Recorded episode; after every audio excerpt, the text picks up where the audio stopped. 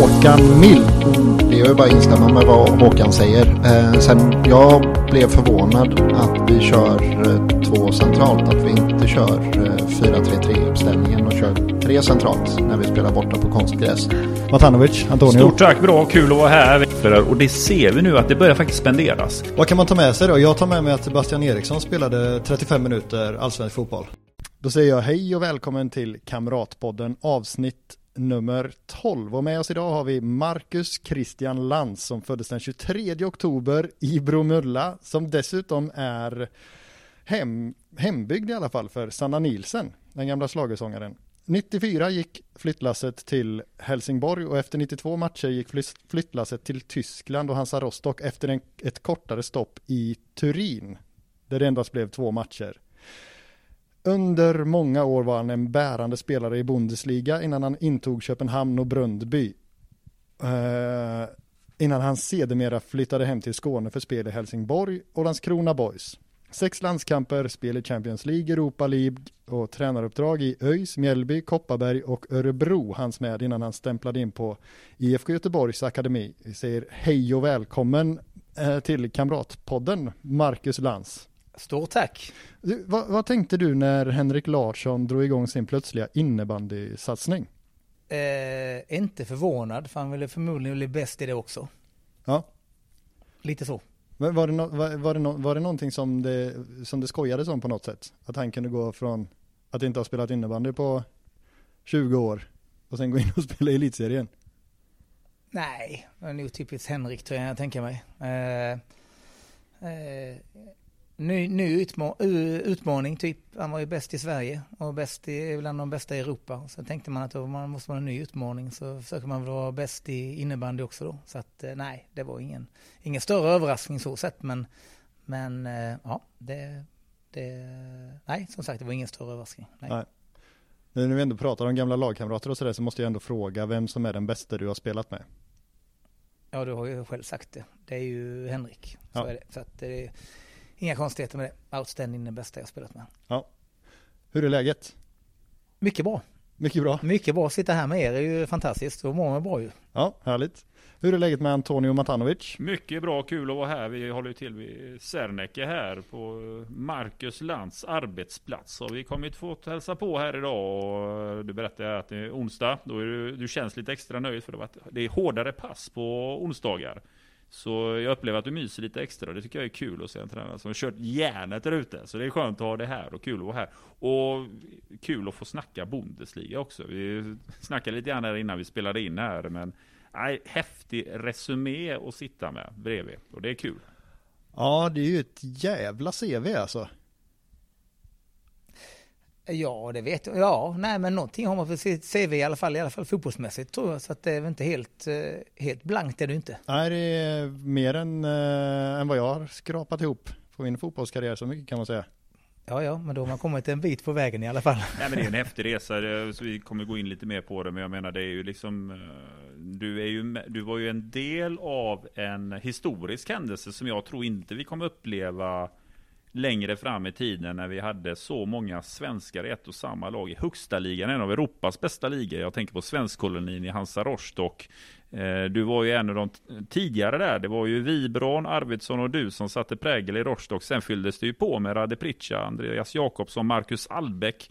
Eh, kan jag ha missat någon svensk? Jag osäker. Joakim Persson, förlåt mig, var ju där också. Och så ja. hade vi Jari Littmanen, får man ändå slänga in som alltid en joker in där. Han kom ju i slutet där. När det var i slutet där i Rostock så kom även Jari Littman och hälsade på. Men nej, det är ju inte en Bundesliga-podd, men man vill ju gärna prata om Karsten Janker som, som Marcus Lantz har mött. Jag är ju lite starstruck där över Karsten Janken, Giovanni Elber, Lisa Razou, Effenberg, Matteus, Oliver Kahn, Jan Koller bland annat från olika klubbar. Ja, du har ju spelat mot alla dessa spelare. Det måste ju varit en fantastisk upplevelse. Ja, men det var ju inga dussinlirare. Så man hade ju att jobba med varje vecka. Så är det ju. Effenberg på plan, hur var han egentligen? Eh, exakt som man upplever honom tror jag. Så att man får inte säga det i en podd, men det var exakt en kopia av en tysk arrogant, jävligt bra fotbollsspelare. Det är nog den bästa fotbollsspelaren jag mött. Och det här med eh. arrogant kan vi ju lägga in Lotta Matteus i samma fack. Om inte ännu högre fack egentligen det kommer till arrogant och svinaktig va? Ja, men de två har man mött. Men, men, eh, men, ja, men de visste vad de skulle göra för att vinna fotbollsmatcher. Och det, fotboll går ut på att vinna, fotboll, det går ut på att vinna ju. Ja, det men, men, det kunde de. Men eh, ja, tysk arrogans, det kan man säga. Ja. Men häftigt på något sätt. Ja, och eh, du har ju vunnit en del matcher under, under åren får man säga. Nu minns inte jag, och det kan jag ha kollat upp naturligtvis, men var du med på den här Europa League-resan där med Helsingborg på 2000-talet? Eh, jag flyttade nog hem mitt om man tänker på det när vi mötte Galatasaray borta och gick lite längre i Europa League där. Mm. Ja, då precis i den vevan flyttade jag hem från eh, Bromby.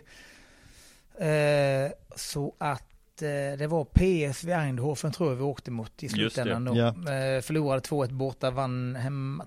Men på den, den vändan var jag med. Mm. Så, men det var mitt i svängen när jag kom hem då. Ja. Så att den, jag fick vara med en liten bit på den vägen innan ja. det började, började dra ihop sig på något sätt. Ja. Så, ja.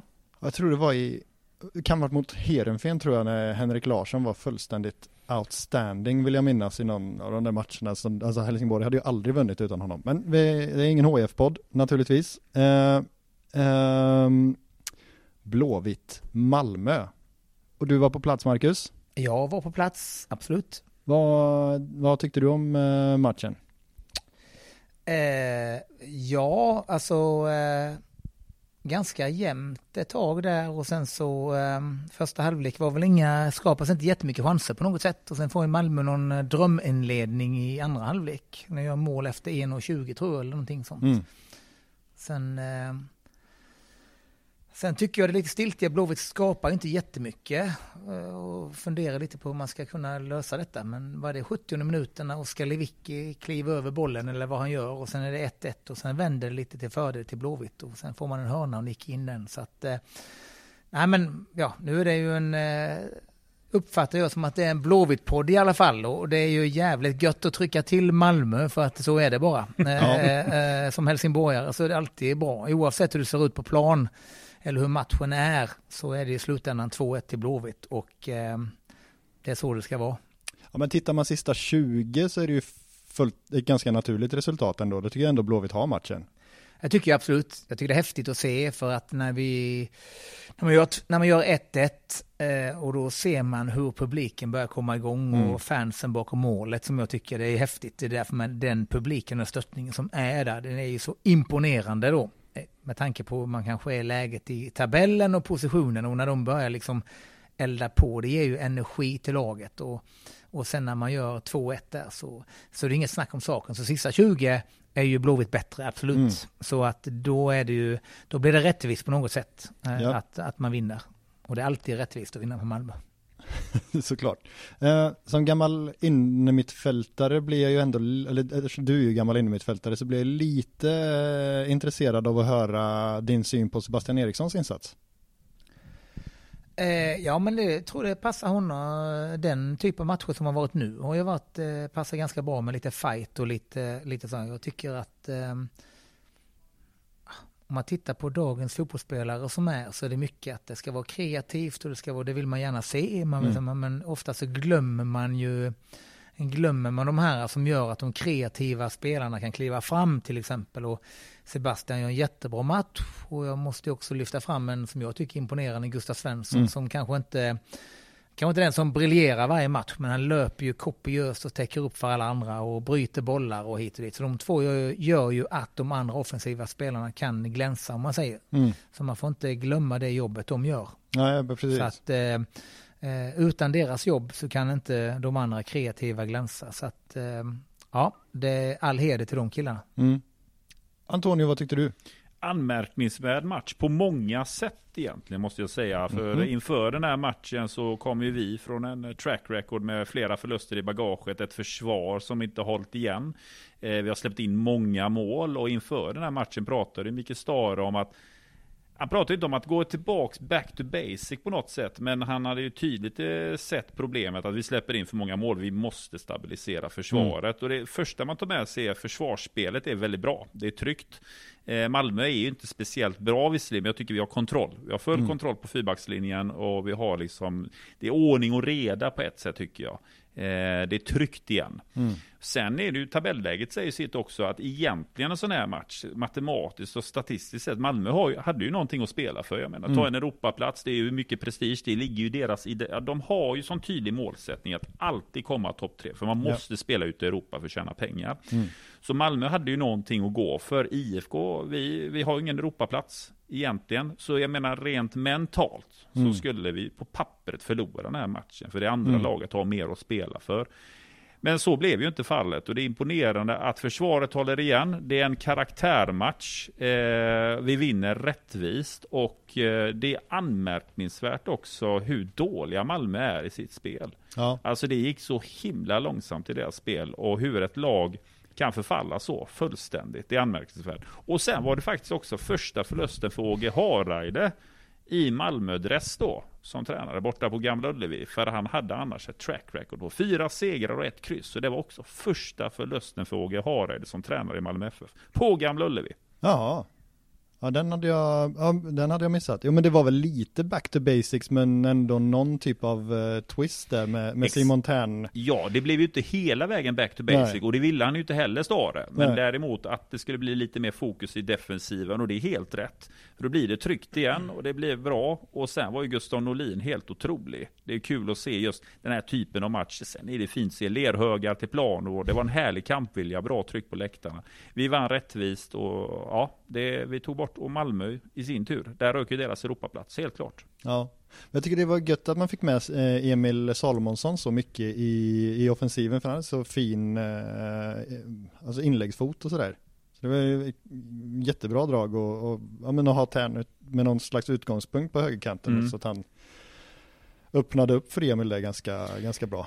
Ja, och sen var det en sån här match, jag tycker också att eh, Malmö hade någonting, det var när Anders Christiansen var på humör återigen, och tyckte jag att Malmö hade någonting, men han försvann Mm. ju i andra halvlek, och det, all typ av kreativitet från Malmö FF försvann. De hade ju ett jätteläge där i slutet, ska ju poängteras, det skulle kunna bli 2-2, men... eh, Det var också Lewicki.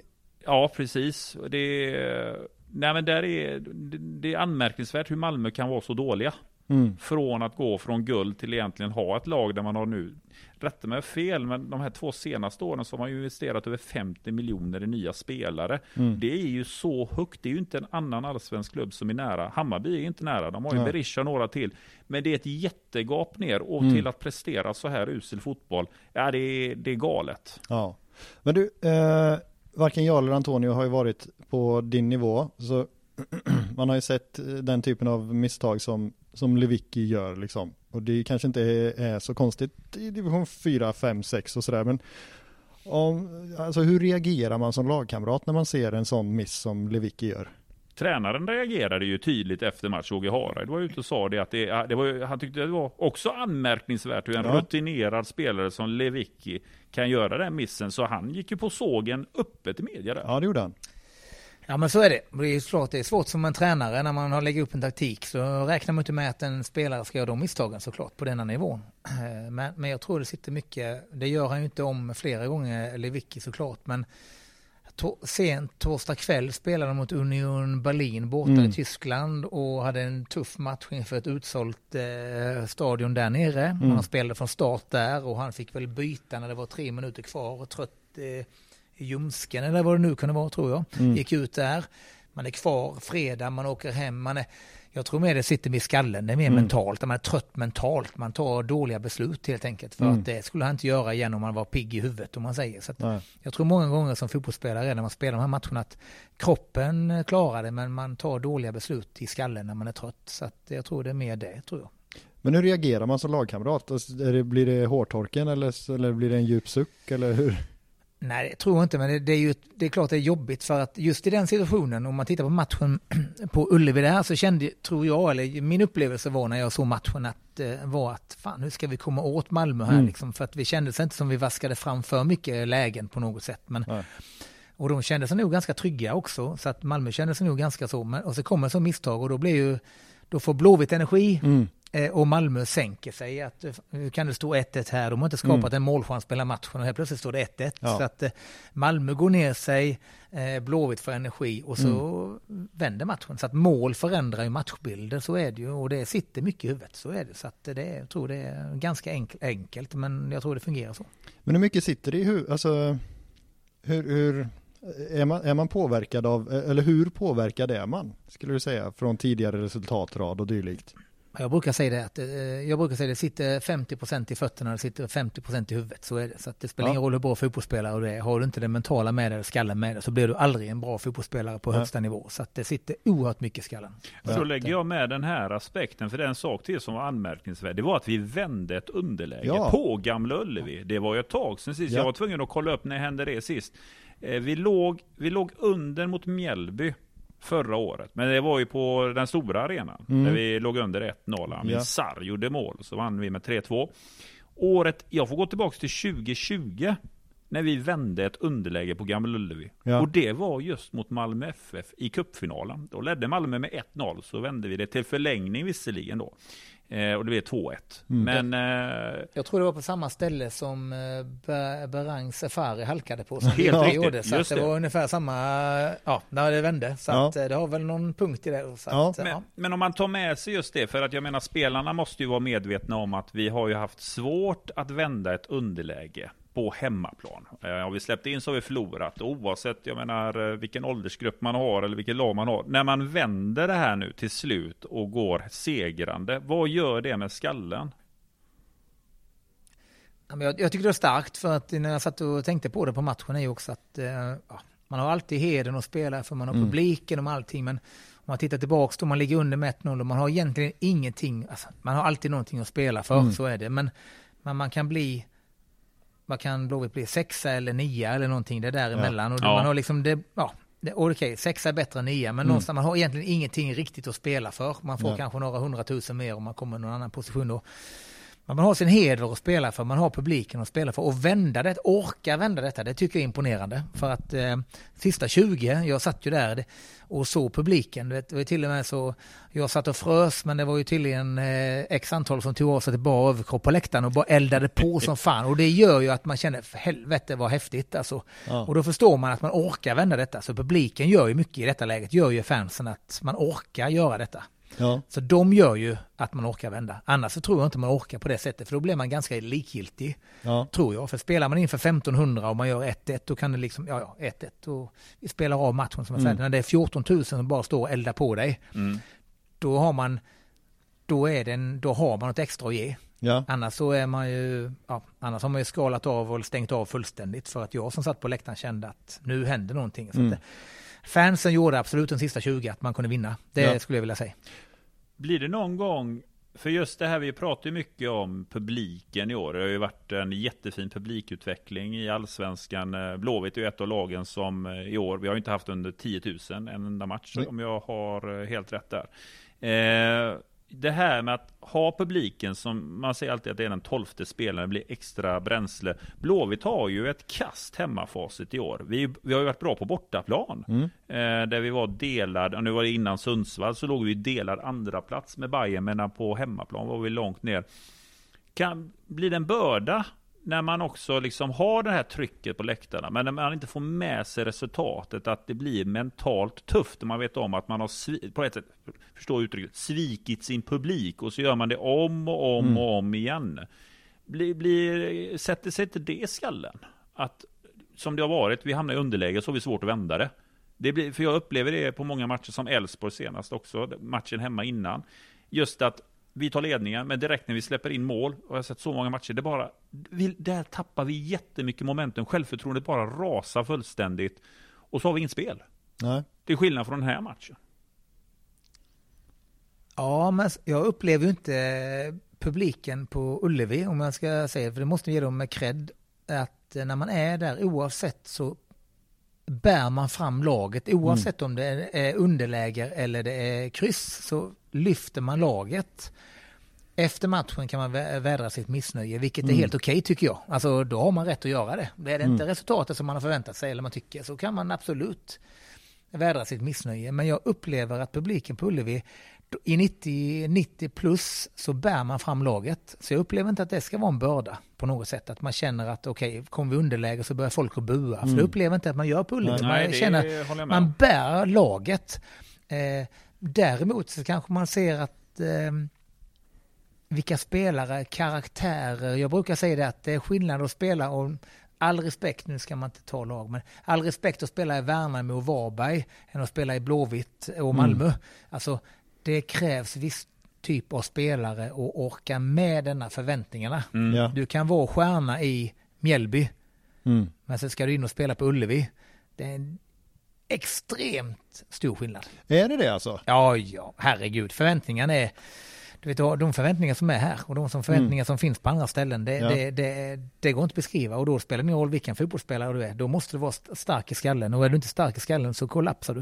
Är, ja. Det är bara så. Det är, det är därför många spelare som brukar säga de är fantastiska i allsvenskan, så säger man att de blir proffs. Mm. Och så kommer du utlandet där det är 25 gånger hårdare än allsvenskan. Ja. Och sen ett halvår senare så åker du hem för att du klarar inte med pressen. Nej. Så att det är någon extrem skillnad skulle jag säga. Men hur var den övergången för dig då?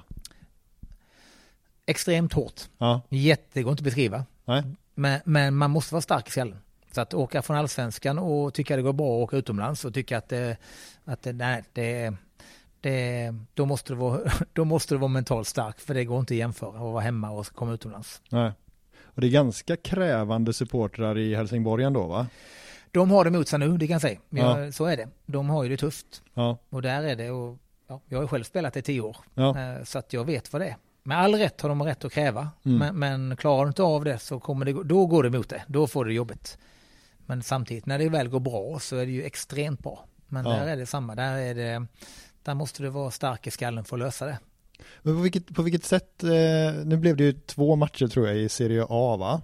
Ja. Och sen en himla massa, det var nästan 200 matcher i Hansa Nej, 164, näst mest i hela klubbhistorien i, i eh, Bundesliga. 164 stycken blir det. Ja, det är mäktigt. Ja, det blir, ja, det, ja, det blir bra i alla fall. Ja.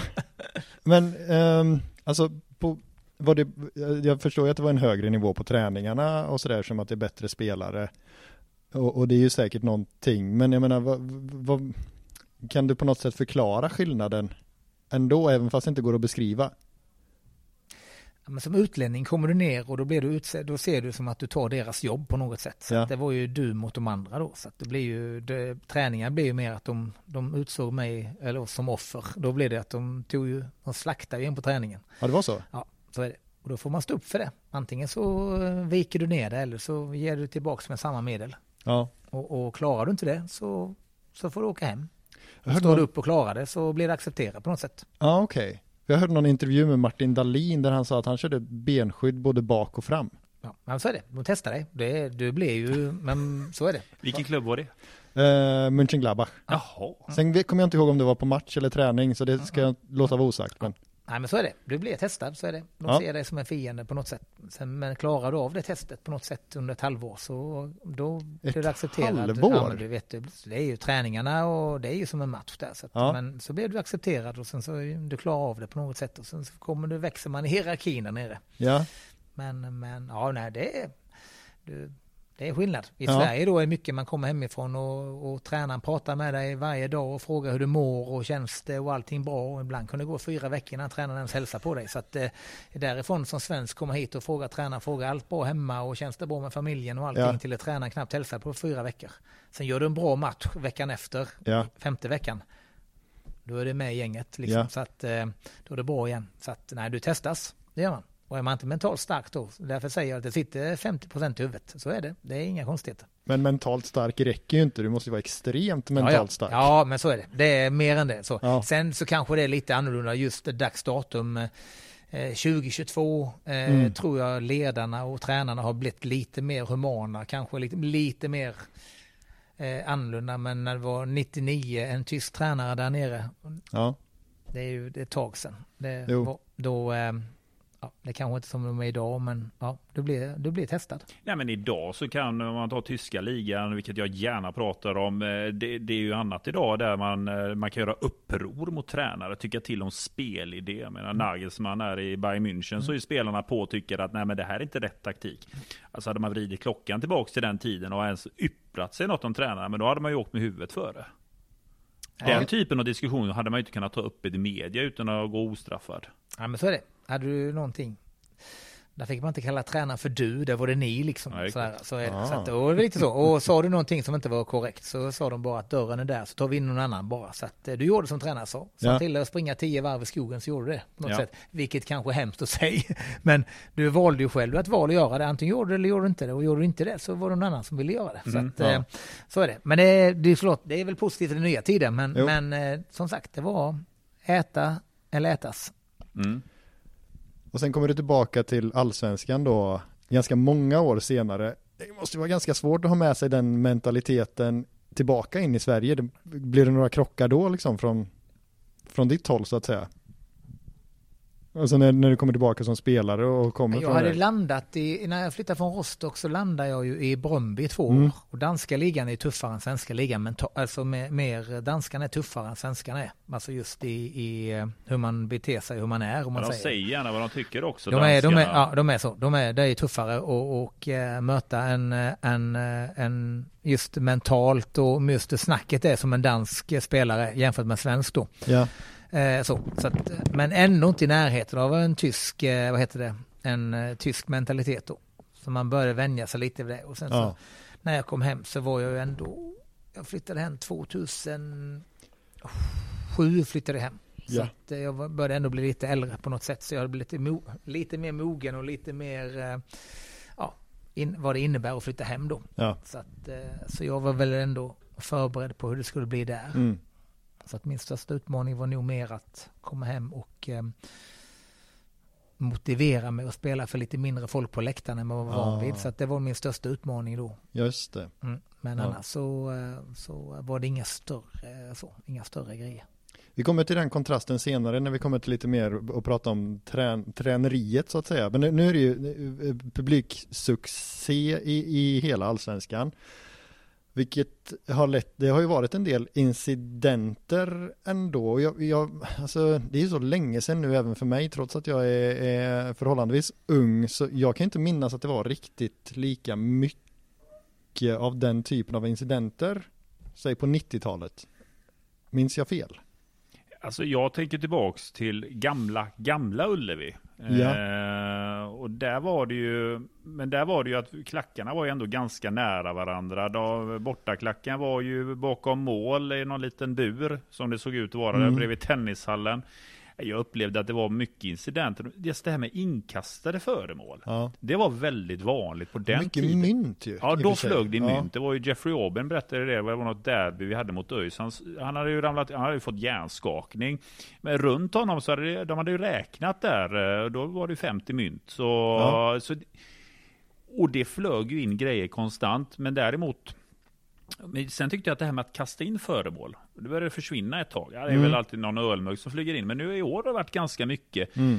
Och jag upplever det också utifrån ett europeiskt fenomen att det har varit ganska mycket. Och franska ligan har varit ganska Ja, stökig. sant. vi har haft avbrutna matcher. Vi hade ju bland annat den incidenten när Saint-Étienne Mm. åkte ur Ligue Ö. Och då var det ju storm, eh, planen stormades och det var kravaller på plan.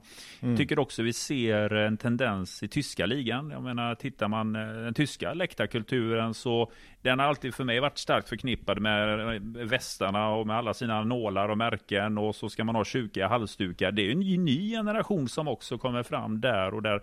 Jag tycker jag ser mig mycket mer bengaler idag i tyska ligan. Man ser också det europeiska matcher, Uefa-matcher, Champions League. Så ser vi också mycket mer pyroteknik än vad man gjorde för ett tag sedan.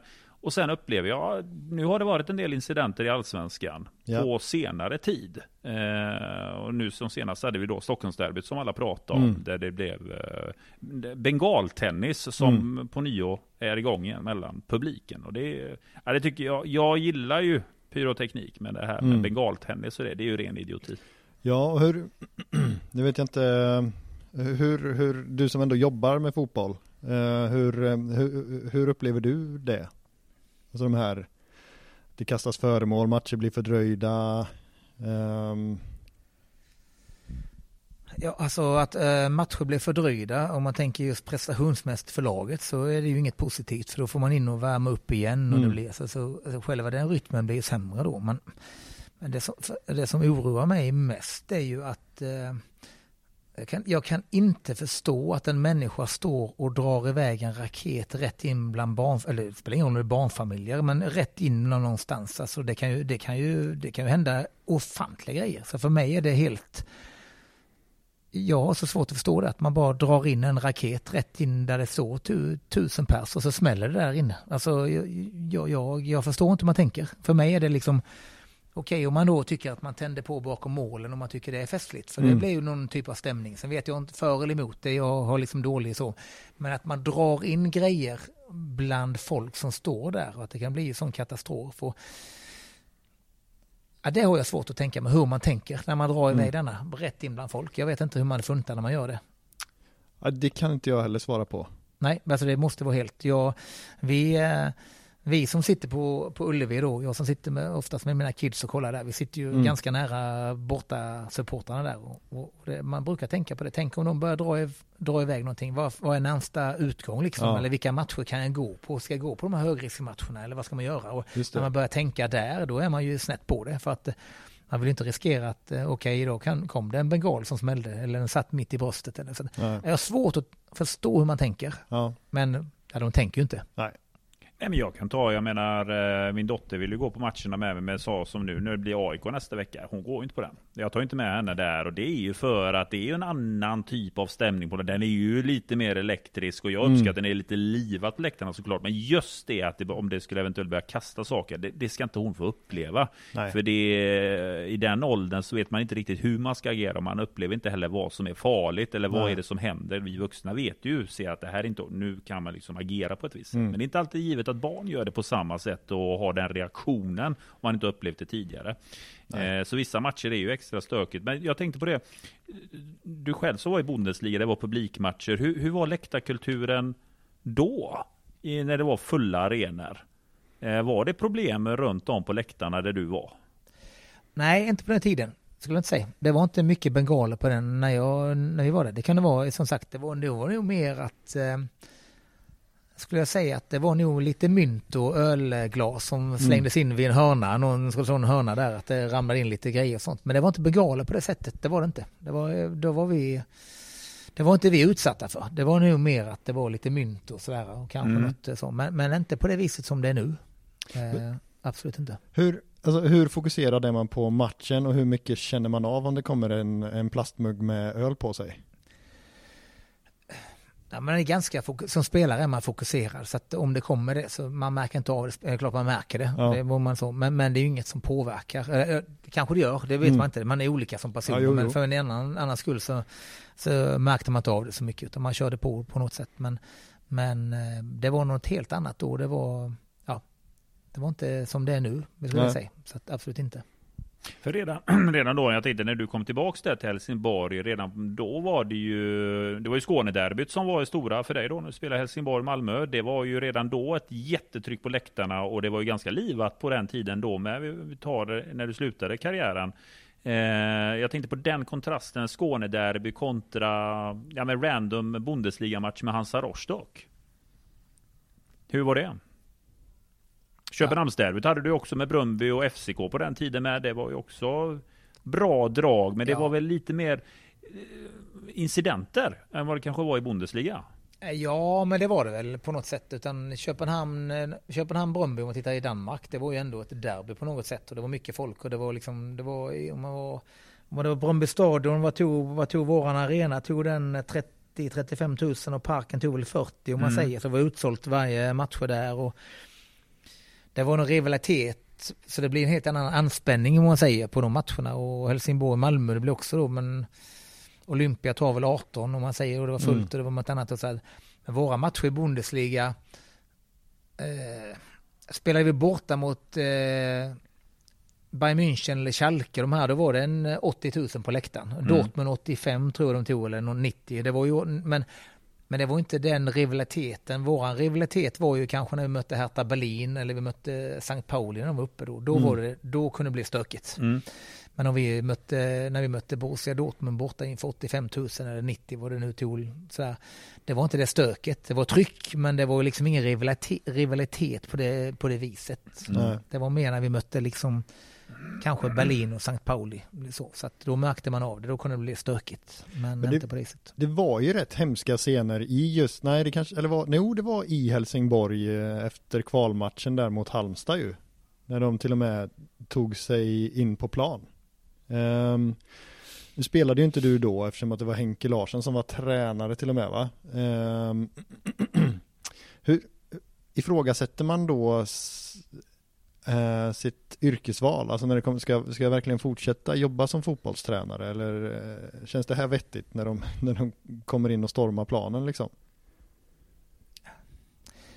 Det är säkert några som gör det, men jag är ju i den uppfattning också att det är viktigt att säga också tror jag att eh, det är en sån liten del som Mm. beter sig så dåligt. Alltså Ja. det är så jävla många som är bra supportrar som gör Mm. det bra. Och tyvärr de här som beter sig som eh, rötägg, det är de ofta som syns. Ja. Men det är en liten del, men de får mycket plats. Mm. Och, och tyvärr är det så. Men jag har också varit i den eh, uppfattningen att för min del är det också så att ska man ge upp sin karriär för att några få ska hota eller ska göra det, då har ju de Mm. vunnit på något sätt. Ja. Och där gäller det att vara stark. Jag, först, jag har all respekt för de som känner att nej, jag skiter i det, för det här orkar inte jag med. Nej. Men jag är liksom av den eh, grejen att skulle det hända mig eller bli utsatt för någonting så ska inte jag ge upp någonting för att då innebär ju att eh, den som kommer efter mig, då gör Mm. de likadant med den, då kan Mm. de hota den så ska han kliva av. Alltså då blir det att de vinner de här onda liksom. Och de onda är inte så många. Nej. Jag menar, titta de som är på läktarna och verkligen bidrar till kulturen och, Mm. och allt som är. Om man tittar på Ullevi, Mm. nu sist mot Malmö, fan det händer ju ingenting. Det är ju en Nej. fantastisk match. Det är ingen som beter sig dåligt skulle jag Nej. vilja säga. Det är 14 011 tror jag som är där och det är fantastisk stämning. Ja. Eh, så. Eh, så kan det vara några få som ibland som beter sig lite Mm. dåligt, men det är inte det vi ska se. Vi ska se de andra som, Ja. som, som bidrar med allting bra. Så att eh, nej, eh, de ska inte vinna. Nej, men det är De viktigt bidrog ju verkligen, eh, alltså som du var inne på innan, det var ju helt fantastiskt tryck. eh, Framförallt när han sprang mot mål där det bara öka och öka och öka. Det kändes som att det inte fanns något stopp på, på ljudet ju. Nej, jag, jag, vi satt där, jag fattar inte hur de orkade egentligen, för att när de gjorde 2-1 så var det väl, kan det ha varit, kan det varit kvar, Eh, 10-12 minuter kvar. Ja, Och då körde de här slå mig hårt i ansiktet eller vad det nu var. Ja, då körde visst. de i typ i 15 minuter och de tog av sig tröjor och bara överkropp och bara pumpade på vet du. Det, då är det roligt, eller Ja. då är det häftigt. Ja. Och, och då fattar man att då orkar man försvara 2-1 också. ja, Så att, eh, och det är de man måste hylla. Ja. Då kan man inte hylla de som står och skjuter någon raket rätt in Nej. på barnfamiljer. De får man liksom se att, ja, de, eh, ja, det är ju inga, det är inga Einstein. Nej, de ställer säkert till med trubbel på andra ställen också Eh, kan de, man tänka sig. Precis, de är inte bara där utan de, eh, de ställer nog till problem på andra ställen också. Nej, men jag tror det, det är viktigt att belysa det, för det går inte att måla svart eller vitt på den här typen av debatt som pågår. För det, det, går, det är svårt att ha en nolltolerans på någonting, för då måste ju någonting radikalt förändras. För jag menar, jag tittade till exempel, ta en sån sak som El Clasico som alla pratar om. Det var ju Real Madrid mot Barcelona. va? kastas inga bengaler va? Samtidigt så jag menar, där, det, det är ju en, det är en rivalitet. Det är en Ja. klassisk match. Det är liksom den stora saken när två, alltså två fiender möts. Mm. Men jag hade den och så hade jag Stockholmsderbyt. Alltså man zappar lite grann mellan de två matcherna och lyssnar lite grann på kulisserna. Men det, det, det, det är ju skrämmande att se på en El Clasico idag. Och i det här fallet Madrid. Det är ju nästan 80 000 på plats.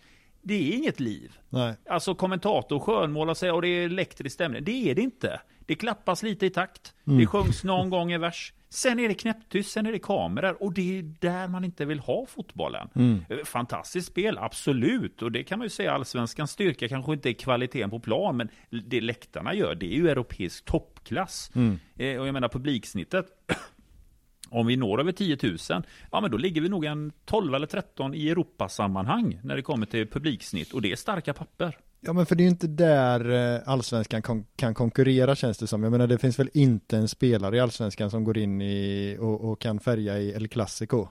Misstänker jag. Nej, Eller vad säger du Marcus? Nej, nej men, men det är lite som man säger att just det här att sitta hemma och vi framför tvn och kolla allsvenskan, det kan man tycka, ja men det är väl en, halv, en rolig match eller det är halvbra Mm. kvalitet eller något sånt. Men Men jag har varit de senaste tre eller fyra matcherna i rad nu på Ullevi och det är liksom Mm. uppleva stämningen och uppleva själva den grejen. Det gör ju att, eh, att eh, det är ju på riktigt på något Mm. sätt. Alltså då blir det ju häftigt om man säger. Att Ja. orka göra detta då än en gång. Nu pratar jag om, eh, om Blåvitt för, i och med att vi har varit där då. Att orka göra det när laget ligger eh, låg åtta inför matchen tror Ja. eller sjua då. Mm. Har förlorat mot Helsingborg hemma och Mm. Elfsborg hemma. Och ändå orkar dra igång detta Mm. med 14 000. Det gör ju att det är imponerande. Ja, det är det. Det, och det, det ska vi ta vara på. Ja. Och det ska vi vara stolta över på något sätt. Så att eh, det är all heder på det. Och, och, eh, och det gör ju också som fotbollsspelare, tror jag, eller hoppas jag, dagens eh, Blåvitt-spelare känner att då har man något då har ett visst ansvar och krav att prestera. Då springer du inte bara in och känner att det är bara en vanlig match mot något eh, sketet lag, utan är det 14 000 som betalt inträde och vill se dig igen efter ett x antal matcher som du inte har vunnit, då har du ett Mm. ansvar också att fan ut och prestera. Jag tänker på dem, nu, vi kommer ju in på det senare, vi har ju akademin här, du har ju hand om eh, yngre förvågor som vill liksom trä, blomma ut och slå till. Vad vad händer med de här grabbarna när de ser liksom Gamla Ullevi koka den här typen av arena? Det måste ju ändå trigga och känna att här vill man vara kvar och här vill jag springa ut och uppleva den här stämningen. Än om det hade varit, med all respekt, eh, Varberg. Ja men det hoppas man ju. I dagens samhälle är det ju mycket så här de yngre spelarna och nu finns det ju inte bara spelarna som styr utan det finns ju så kallade rådgivare eller vad de Mm. är runt omkring och alla, alla, alla yngre spelare ska ju till Italien och England och de är 15, 16 och de ska hit och dit. Men, Ja. men för mig är det målet när man är i akademin i Blåvitt måste vara att när man går och ser matcherna att när man är lite äldre att målet måste vara nummer ett och så springa in på Gamla Ullevi inför ett fullsatt Ullevi.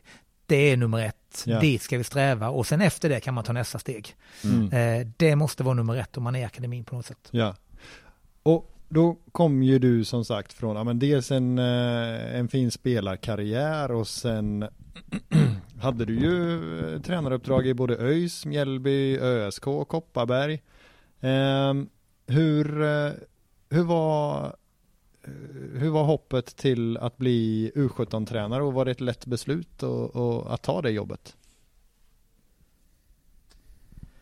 Eh, men, ja, nej men eh, det började var i mitten av mars eh, detta året egentligen jag fick eh, frågan. Mm? Om, och för det jobbet blev ju på något sätt ledigt när eh, Fred Jenke gick upp till A-laget och skulle jobba med, eh, med lite mer analys och sånt. Så blev det en, en position ledigt där. Så att, ehm, och så fick jag frågan. Mm. Eh, och jag har egentligen, om man tittar då, så har jag jobbat i, jag har jobbat i division 1, jag har jobbat i superettan, jag har jobbat i allsvenskan, jag har jobbat med damfotboll, jag har jobbat, eh, varit i Champions League med damfotbollen, jag har jobbat Mm. i allsvenskan med herrar. Och, så egentligen varit i, i Sverige, jag har varit på alla nivåer egentligen, utan akademinivå om man säger.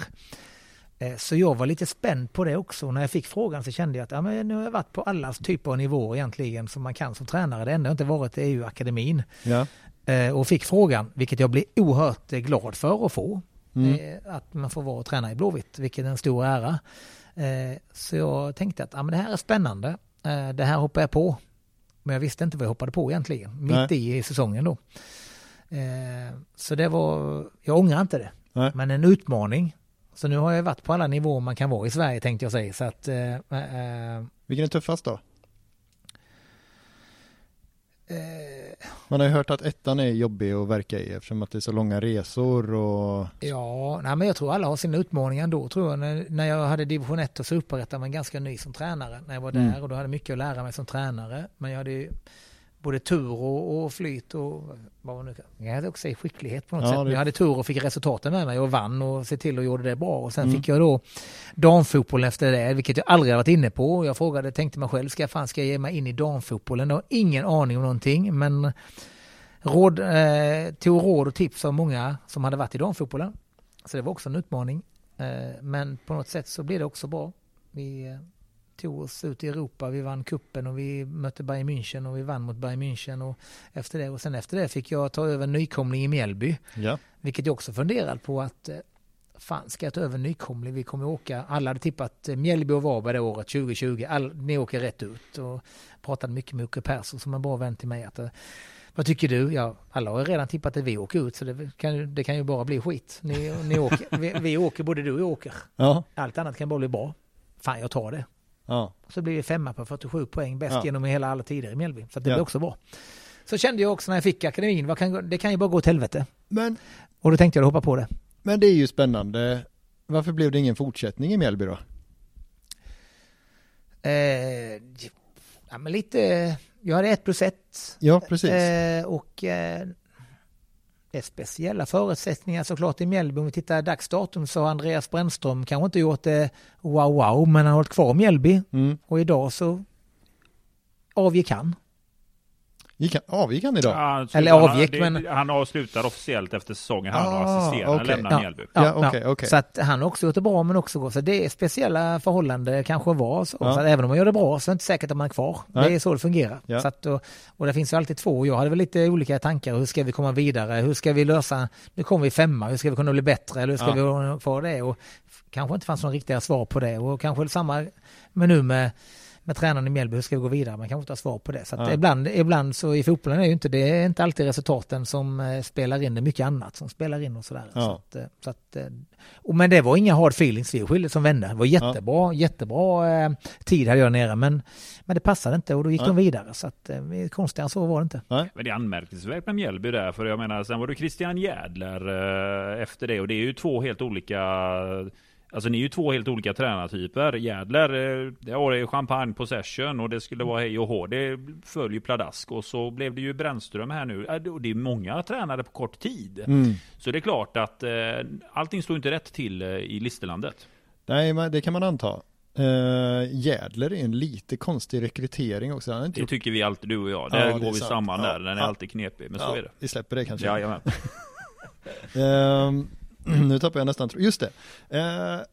För jag är lite nyfiken på det här att komma från, för du har alltså, uppenbarligen spelat i landslaget och, och sådär. Och så kommer man ner i division 1. Hur lätt är det att förhålla sig till att de inte kan göra exakt det du förväntar dig av eh, till exempel eh, lagkamrater tidigare då? För de är ju sämre än dina gamla lagkamrater menar jag. Ja, nej men Blir det en Ja. krock på något vis? Ja men det blir det ju såklart. Det blir det. Man måste förhålla sig till det också. Men det var ganska ny i det också. Det, I början var det svårt. Mm. Jag, gjorde mina, jag gjorde jättemycket mycket misstag i början såklart. Men jag gjorde vissa saker rätt också. Men, Mm. men det blir ju en krock hur man ska hantera det. För att, eh, för att det är svårt. Mm. Och, och, och man får acceptera att det är inte alltid som, som man själv är van vid på något sätt och sådär. Men, men man får liksom sätta sig in i deras situation och deras sätt att vara för att få det att fungera. För i slutändan så handlar det om att vinna fotbollsmatcher. I slutändan handlar alltid det jag är så här, dagens fotboll är många, ja, men vi hade bra possession, vi hade 70-30 possession, men vi förlorade med 1-0, men jävlar vilken bra match det var. Men i slutändan handlar det, du måste vinna fotbollsmatcher. Ja. Det är det det handlar om. Och då får man förhålla sig till den truppen man har. Mm. Hur kan jag se till att detta laget vinner matcher? Och sen får Mm. man skapa en grupp, man får skapa en träningsmiljö, man får skapa någonting som gör att vi vinner matcher. Mm. Och det lär man sig efter att eh, se till att skapa ett lag som vinner matcher. Mm. För vinner du inte matcher så sitter du inte kvar som tränare på Nej. något sätt. Så att eh, man lär sig. Och, och, eh, eh, men visst var det svårt i början, absolut. Mm. Ja, jättesvårt. Jobbade du som fotbollstränare då första, för det var ju ÖIS i division 1 va? Ja. Eller hade- 20, 2013, jag slutade när jag var 2012 slutade som spelare. Just det. Och då bestämde vi oss för att flytta från Helsingborg upp till Göteborg då. Så 2013 flyttade jag upp här och så började jag jobba nästan direkt vi flyttade upp i ÖIS då. Så Ja. att jag slutade 2012 och började jobba som tränare 2013. Så jag började direkt i stort sett. Heltidsanställd eh, då? Ja, det var det. Het, ja, man kan kalla vad man vill, men jag, jag, ja, jag, jag var det. Jag, det var det jag gjorde då. Ja. Ja, ja. Eh, är det alltid så i division 1? Att, man, att det är ens jobb liksom? Inte spelarna då, det vet jag, men, men tränarna, är det, många, eller är det vanligt att man jobbar? Nej, men jag hade väl, nu låter, utan att låta så, men jag hade väl fördelen just då att jag kunde väl klara mig på att Mm. vara heltidsanställd, på, om man nu säger det. Jag, Just det. jag löste mig, heltid var jag kanske inte, Nej, men, men jag klarade att vara heltid. har varit i Tyskland. jag, jag hade D-mark på Nej men jag, nej men, är du med, jag klarade mig på att vara eh, just då. Och så Ja. hade jag en fru som jobbade också, så det var liksom inte, jag, vi löste det. Ja. Så det var liksom så. Ehm, och sen går man då från seniorer till juniorer och det blir väl också en helt annan sak? Antar jag. Jag tänker just att det blir ju alltid en rotation på ett annat sätt. Eh, spelare som flyttas upp, byter klubb. Det blir ju, kontinuiteten måste ju vara en utmaning med tanke på med det du gör idag. hur man formar en grupp över tid. För det är ju ska, stor rörelse på spelare i de här åldrarna. Ja, men det är... Jag kom in som sagt, jag tror i mitten av mars fick jag detta jobbet mm. och mm. eh, veckan efter eller två veckor senare hade vi seriepremiär. Så att jag kom ju mitt in i någonting. Så att det var, då satte vi igång med serien. Så jag kände ju inte spelarna. Jag Nej. visste inte riktigt vilka typer av spelare. Utan det blir, blir inkastad i någonting. Inkastad kan jag säga. Men jag fick detta då. Mm. Eh, och så ska man lära känna gruppen, de ska lära känna mig och man ska liksom tänka då. Och, och du har ju andra utmaningar med ungdomar. Alltså, har du, jobbar du med ett A-lag, kommer du få Mjällby med, med A-lagsspelare så vet du det är deras jobb. Då kan du kräva liksom, du kommer dit, det är ditt jobb, du har betalt för detta, du ska mm. göra vissa saker. Men, men har du en 16-17-årig 17 kille så kan det vara mycket andra grejer. Det kan vara något som har gått åt helvete i skolan. Det kan vara ja. ett prov som har gått dåligt. Du kan ha en dålig dag hemma. Ja. Du kan, där finns så mycket annat. Så när du kommer in på en träning på, på kvällen så tycker man att kom igen, vad händer? Men du har liksom inte bakgrunden på att det kan vara att det finns så många andra grejer som ligger i bagaget. Så ja. Det är ju den grejen man får ta hänsyn till. Mm. Du kan liksom inte ställa, ja, du, för fan han såg inte pigg ut idag, vad hände ja. där? Du blir liksom så här, fan kom igen, men ja, det kan ha varit någonting som har hänt eller vad mm. det, det är helt andra saker du har att jobba med i akademin. Mm. Det kan vara att någon inte dyker upp för du har något omprov i skolan eller du har någon, eller vad nu det kan vara. Mm. Det är så mycket. Och puberteten. Ja. Det är tjejer, det är Instagram eller vad fan det nu är. Ja. Det är många saker de ska göra i livet. Ja. Så fotboll är en liten del i detta. Men de brinner för det. Men därifrån till att utveckla dem så finns det många andra grejer man ska ta hänsyn till. Och det är den största utmaningen jag har. Som jag inte varit med om innan då. Eh, kul utmaning, men ny utmaning. Och jag tänker just uh, ungdomar idag som uh, spelar, uh, det, det skiljer ju sig, man behöver inte vrida klockan allt för många år tillbaka. Du var inne på det innan här, de berömda rådgivarna kom ju tidigt in. Om man har grabbar i det här fallet som sticker ut lite grann så har de oftast en rådgivare i tidig ålder som påverkar deras vardag och kanske sätter upp bilder i deras liv vart de är på väg någonstans. Men hur mycket, kan, hur mycket är du med i den bilden? Just att en rådgivare pratar med sin spelare, sen pratar du med spelare. Kontrasterna där, att få den spelaren att hålla fokuset och inte kanske sväva iväg för mycket. Hur gör man det? Det är något vi diskuterar dagligen här. För mm. att man ska vara med, väldigt medveten om det. Att jag som tränare sätter en agenda för mina spelare. Tänk så här, jobba så här. Ja. Sen har du en rådgivare som säger tänk så här, gör så här. Ja. Kommer du hem så har du mamma, pappa. Tänk så här, gör så här. Ja. Sen har du kompisar. Tänk så här, gör så här. Sen har du dagens dat eh, datum. Instagram eller vad det nu är, sociala medier. Gör så här, se ut så här, var så här. Du har mm. fem olika punkter och du är 17 år och du ska förhålla dig till detta. Ja. Det är inte lätt att vara ungdom idag kan jag säga. Fy fasen, du ska vara du ska vara bra i fotboll eller idrott, du ska vara bra i skolan, du ska vara bra kompis, du ska helst se bra ut. Du ska, du ska ha många följare. Du ska ha likes, har Just du inte det. det så mår du dåligt. Det är inte mm. lätt, så att, att dagens ungdomar inte mår helt hundra, det har jag full respekt för. För det är fan inte lätt att vara ungdom idag, det kan jag säga. Och så. detta ska man då vara tränare och guida dem när det finns fem andra som tycker de kan bättre. Mm som akademi här, i IFK Göteborg, är ju en av flera klubbar i Sverige som klassas som femstjärnig akademi. Eh, hur jobbar ni med den här typen av fråga? För jag jobbar ju själv med ungdomar inom fotboll och blir ju de 11 år visserligen, jag har haft dem i fyra år, men jag märker en stor skillnad på idag hur person snabbt utvecklas och när sociala medier kommer in och hur det påverkar en spelare i vardagen, hur man gör på plan. Men du säger det att ni jobbar med detta dagligen. Vad är det viktigaste för att spelaren ska må bra här i IFK Göteborg och känna att det här är en frizon. Här kan man vara sig själv, här kan man utvecklas, här har jag det otroligt kul. Jag, ska, jag vill inte vara någon annanstans än här på IFK Göteborg. Ja men här, alltså man säger Blåvitt här i IFK Göteborg med, med de här med akademichefen Jonas och Roger och alla som är det, det är ju ett fantastiskt stöd för killarna och mm. vi ledare har ett fantastiskt stöd av dem. Så att det, det, där finns alla förutsättningar. Mm. Och vi kan ju bara jobba med killarna för att få dem att förstå eh, för det är så här att det är inte bättre. Ska du, jag är så här, ska du som 15-16-åring flytta ut till Italien om man ska lockas av någon någon halv oseriös rådgivare som säger Mm. kom här, jag vill tjäna lite pengar på, ut och sätta där. Sätt han i Italien som 16-åring. Ja. Det är 40 andra från olika länder som kommer Mm. dit. Du är en av 40. Och den italienska klubben kommer välja en av 40 som lyckas. Ja. Så du kommer få det så inuti helvetes jobbigt där nere. Ja. Det är den här bilden vi försöker få dem att du har det bra här. Du har en jättebra utbildning i Göteborg, i Blåvitt. Du har en fantastisk akademi. Var här, utbildas. Och sen när du är 18, 19, 20 och blir vuxen, skolan är klar, allting. Då tar du nästa steg. Det andra, det är möjligt någon kanske lyckas. Men titta, och så går du tillbaka och tittar på exemplen. Där är det väldigt, väldigt få som lyckas. Ja. Det finns en Ja. jättebra, det finns en jättebra film. Ja, eh, jag håller med dig. Säg ja. den. Ja. Ja, en eh, Tigrar av Ronny Sandahl om eh, Martin Bengtsson. Nu gick det ju jäkligt illa för honom i och för Ja, sig, men det är ju ingen, det är ju ingen, den är ju faktiskt ingen påhittad, utan det är ju en verklighetsbaserad. Ja, Det är så det ser ut och det ser ut så ute i Europa. ja, Så alla borde se detta. ja, Att det är inte bara att skicka ut en spelare rätt ut. nej.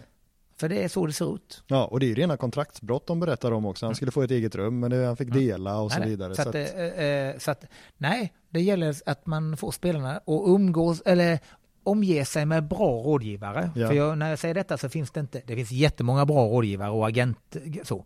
Men där finns det för många oseriösa. ja, Ett, många, många som inte är seriösa. ja, Det var väl Stig Torbjörnsson, chefscouten, som berättade det när han pratade om Venezia, Italien där, just hur de jobbar. Och då, jag tror han sa att de hade nio islänningar. mm, Och det var ju inte som så att eh, de förväntade, de, de, de plockade bara in islänning efter islänning efter islänning. Någon blommar väl igenom, det andra, Ja. det skickar vi bara iväg. Alltså Ja. man är ju ett gods och inget annat på det Mm. sättet. Man, det blir ju inte den här personliga relationen på det sättet i många klubbar, att man går fram och frågar hur mår du där, random Nej. islänning. Utan, nej men du är inte bra, det är bara att dra.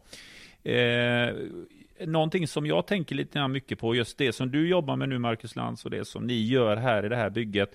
Alltså det skiljer ju sig att träna ett A-lag för att ni, alltså A-lag är ju en sak. Då går, många spelare går ju på träningspasset, man har en avstämning kring taktik och sen så åker man hem.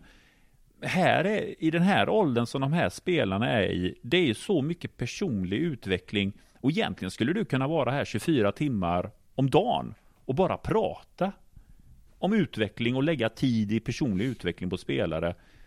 Och där tycker jag ju att svensk fotboll är ju långt efter i det att man värdesätter vad akademierna gör. Alltså generellt sett så är vi värdelösa på ett, betala lön på akademier. Det ser man ju att klubbar, där sticker ju andra länder lite grann iväg nu som Danmark som satsar på heltidsanställda, heltidsanställd personal inom akademin. Nordsjälland är ju sånt som sticker ut kanske, men även fler klubbar. Men inte vi långt efter i Sverige på att jobba. Vi har fina akademier, men vi är inte där i resurserna att kunna utveckla våra spelare på bästa sätt. Att vara här och ha det här som heltidsjobb. Jag tycker Sverige brister där. Vad tycker du? Ja, men det är ju, allt handlar om ekonomi. Allt handlar om ekonomi såklart. Så är det. Om man tittar på Danmark, jag håller med, jag kollar på Köpenhamn och Bröndby och Nordsjälland. Jag tror att de har, utan att veta hundra, men vi var i förra sommaren och på en turnering i, i, i Danmark. Så tror jag nästan man har bland storklubbarna från 13, 14, 15 års åldern så har man heltidsanställda. Så det, Mm. det, är ju ett eh, prestigefyllt jobb att ha i akademi. Eh, akademi. Man, man är avlönad, eh, Mm. heltidsanställd då. Där man ju bara jobbar med yngre då. Eh, så man har större förutsättningar för det. Eh, så ekonomin i Sverige och lägga pengar på det, det blir ju, det, de finns inte i dagsdatum. nej, Eh, Så jag tror också att, eh, att man skulle kanske lägga mer pengar för att fostra ännu mer spelare och tränare på akademin. Men hur det ska gå till, har ingen aning om, eller vad man gör. Men, men jag tror att eh, om man tittar på Danmark så är de ju före oss, som man säger, med, Ja. med, med, eh, mer heltidsanställda tränare på, på lägre, eller på yngre, på yngre nivåer då. ja, Så att, eh, ja, där är ju de. Men hur vi ska lösa det här, det har jag inget så, men allt handlar ju om ekonomi såklart. Men är det därför eh, i det här fallet som danska klubbar eh, för det, får fram mer talanger än vad vi har just nu? Och jag tycker även norska klubbar är lite mer i framkant. Om det är någonting som nu bara är periodvis. För just nu så ser vi norska spelare lite överallt i världen. Vi har Mm. spelare i Arsenal, vi har i City. Eh, storklubbar runt om i Europa som norska spelare är spelare och tittar vi på våra spelare så vi, ja, vi har Alexander Isak i Newcastle. Men vi har Mm. inte de här stora namnen längre. Ja, och jag tycker att det ser tungt ut på fronten att få fram nya unga spelare. Eh, Det är inte någon som riktigt blommar ut på det sättet. Svan, Svanberg kanske då? Svanberg, ja, men han är i Wolfsburg liksom. Det händer ju inte mycket där va. Och sen har vi ju Badji, men han stack ju tidigt i FC Köpenhamn. Mm. Lämnade Malmös akademi för att gå till danska akademi istället. Och där han Ja. får spela. Men eh, nej men jag, jag hör ju vad du säger där Mark. Jag tycker samtidigt också det är en brasklapp. Jag tycker många svenska klubbar har nu byggt upp en ekonomi. Vi är ju Många klubbar är ju också till och med före flera danska klubbar är med i toppskiktet. Jag tar Norrköping, jag tar Mm. mm. Djurgården, man har till exempel Hammarby på gång. Malmö satsar mycket på akademi, det ska Mm. man veta. Eh, men jag tycker att flera klubbar eh, bör satsa mer. Och det är ju faktiskt en fråga för medlemmarna också att driva eh, mot klubbarna. Att eh, man kan prata mycket om att man ska ha en fantastisk akademi, men det krävs mycket mer jobb än vad man tror att jobba med ungdomar och att utveckla dem. För det är mycket tid som behöver läggas vid sidan av plan än vad Mm. kanske man måste göra på A-lagsspelare. Såklart. vad, eh, vad ser vi framåt då? Vad är, vad är på gång med, med ditt lag? Med mitt lag så har vi eh, en match kvar den här säsongen. Ja. Det är eh, till helgen då. Mm. Det är Malmö borta. Eh, Leder serien va? Ja, de har väl vunnit en ganska överlägset tror jag. Så Mm. att eh, det är väl ett väldigt bra lag. Malmö som sagt, de har ju bra akademier och bra lag. Så att det ska Ja. man ju inte det ska man ju liksom inte hymla med. De gör ju saker och ting bra där nere också då. Så att Mm. eh, åka ner där blev väl en häftig utmaning då. Men Mm. eh, vi har ju inget, eh, man har alltid någonting att spela för, men vi har ju liksom lyckats eh, lösa kontraktet eh, detta året. Det såg ju inte så roligt ut i våras då. Man har gjort en bra höst på något sätt, så att vi har ju ingenting. Som sagt, vi har liksom just tabellmässigt så är det väl, vi kan komma i en placering upp kanske då. Men, Mm. så det blir en kul utmaning att åka ner och, och mäta oss med Malmö och se var vi står. Så att det är väl det som är kvar och sen är det några veckor kvar där det blir någon träningsmatch tror jag och sen Mm. så eh, någon gång i december så ska man väl på ledighet någon vecka innan man börjar januari igen. Så är det väl för detta laget då. Ja. ja. Vad, vad är målet liksom för eh, akademin och akademi, ja men spelarna och sådär? Eh, men för min ålder då som jag haft detta året, 17, det är ju liksom mer att se till så att de blir redo för att gå upp till Hjalmars 19 om man säger. Ja. Eh, göra dem så mer bra förberedda för att gå upp till Hjalmar. För ju närmare man kommer till Hjalmar, när, när man kommer till Hjalmar Jonssons lag då i 19, då är Mm. man ju de är nära Micke Stares lag liksom, då kan Ja. man gå däremellan. Så att förbereda mina 17 till 19, alltså det blir tuffare, träningen blir tuffare, Ja. tempot blir högre och allt vad det innebär. För Mm. att man ska vara så redo som möjligt att komma upp där för att man ska kunna ta kampen i 19 för att kunna gå upp i och träna med A-laget. Så Ja. mina är mer bara att se till att ja, göra dem redo och göra dem så bra fotbollsspelare som möjligt och, och se till så att de kan hävda sig i 19 då för att ta nästa steg då. ja. Hur ser den liksom röda tråden ut mellan eh, ja, men ditt lag och Stares eh, lag? Ja, men vi har ju en, alltså vi har ju en eh, ett sätt att spela fotboll på som man vill att ska gå genomsyra från A-laget ner i akademin hur man ska spela anfallsspel, hur man ska spela försvarsspel och sådär. Alltså det genomsyrar hela akademin om man säger då, ska jag säga från 17, 19, om man säger neråt lite där yngre, då de, kan de väl styra det lite mer själv, för Ja. de är så pass unga på något sätt. Men Mm. ju äldre de blir då i 17 och 19 framförallt så ska det vara ett sätt som ska ganska mycket efterlikna A-laget. Så man ska vara ganska, om man då från Hjalmars lag kommer upp i A-laget så ska man inte vara helt främmande att det är något helt annat utan det skulle vara en, en ganska bra röd tråd om man säger. Ja. Sen är det inte att säga slaviskt säga att vi ska göra så här och så här men, men just sättet att spela och sättet att, att anfalla och försvara det ska vara ganska likt A-laget då. ja, det låter ju lovande. Ja men så ska det vara. Ja, Framförallt för spelarna själva. Alltså det, det känns ju jäkligt eh, trist för en spelare och vara hos mig och Hjalmar och spela på ett sätt och sen Ja. veckan efter ska man upp till Micke Stare och sen är det helt annorlunda. Då Ja. är han helt förvirrad den här spelaren som kommer upp. Vad hände här liksom? Så att ja, jag försöker ha någon typ av röd tråd då. ja, så gott som det går i alla fall. ja. Hur mycket jobbar ni med, i det här fallet Micke Stare då, som är A-laget, att eh, jag tänker avstämningar, hur det går, brukar ni sitta varje vecka och ha möten, eller är det varannan månad, varje månad, när det liksom är genomgång där du får rapportera vad som händer i ditt håll, Hjalmar berättar från sitt håll och så noterar A-laget detta, att ja men där har vi någonting på gång, en spelare vi ska titta lite närmare på, hur ser vi till att synkas samman våra verksamheter, att han kan smidigast komma in i A-laget. Eh, hur går sådana diskussioner till? Vi säger att du har en nu här, så du ser, här är riktigt bra. Här har vi något på gång. nej men jag tror, eller jag vet ju, Hjalmar är med på Kamratgården. Vi håller till här i, i, på Kviberg då. Mm. Så Hjalmar har ju med diskussioner, jag tror han har veckomöten med, med A-laget och, och Micke. Då. Och sen är Mm. Jonas Olsson, akademichefen, som kommer att rapportera vad övriga lag gör om man säger så. Att, men jag har ingen kontakt med A-lagstränaren med Micke då. Har träffat honom en gång på någon rapportering där liksom för Ja. att bara stämma av så här. Men rapporteringen gör Jonas, akademichefen, hur laget Mm. går och vilka spelare som är. Så det är han som sköter det. Hjalmar har ju mer kontakt för i och med att han jobbar närmare med 19 och U21 och, och med Hannes och Micke då. Mm. Så de har ju mer kontakt. Jag har ingen, ingen kontakt så sett om man säger. Hur mycket jobbar ni med just det som du pratade om eh, som, som var så viktigt, det här med, med huvudet? Och hur gör man det? Ja, men det... Vi har ju lite, finns ju olika verktyg där. Man, vi, ibland har man en föreläsning med någon som är utvecklad psykolog eller så. Mm. Man har föreläsningar som kommer in och försöker samla lagen och så här då. Så att, eh, och föreläser om olika verktyg. Och vi, vi ledare framförallt blir ju, blir ju också utbildade, inte en gång i kvartalet skulle skulle jag säga, eller vad det ibland så har vi någon föreläsning om olika saker, hur man ska Mm. jobba med ungdomar. Ibland Ja. är det med psykologiskt, ibland är det träningsgrejer, ibland så vi får verktyg för att hjälpa, hjälpa spelarna på något sätt. Ja. Så vi, får, vi sitter ofta på, eller ofta, men vi sitter ofta på föreläsningar Ja, som vi får hjälp av experter inom det området för att få göra det. Så, att, eh, så vi kan hjälpa våra killar till att prestera bättre, må bättre och sådär. Så att, eh, ja, och det är en jäkla apparat, det vill, vill jag säga. Så att, ja, så är det. alltså, det, det känns som att du har någonting där Antonija. Jag ska bara lite snabbt, Lig- ligger agen- agenter på, på dig också?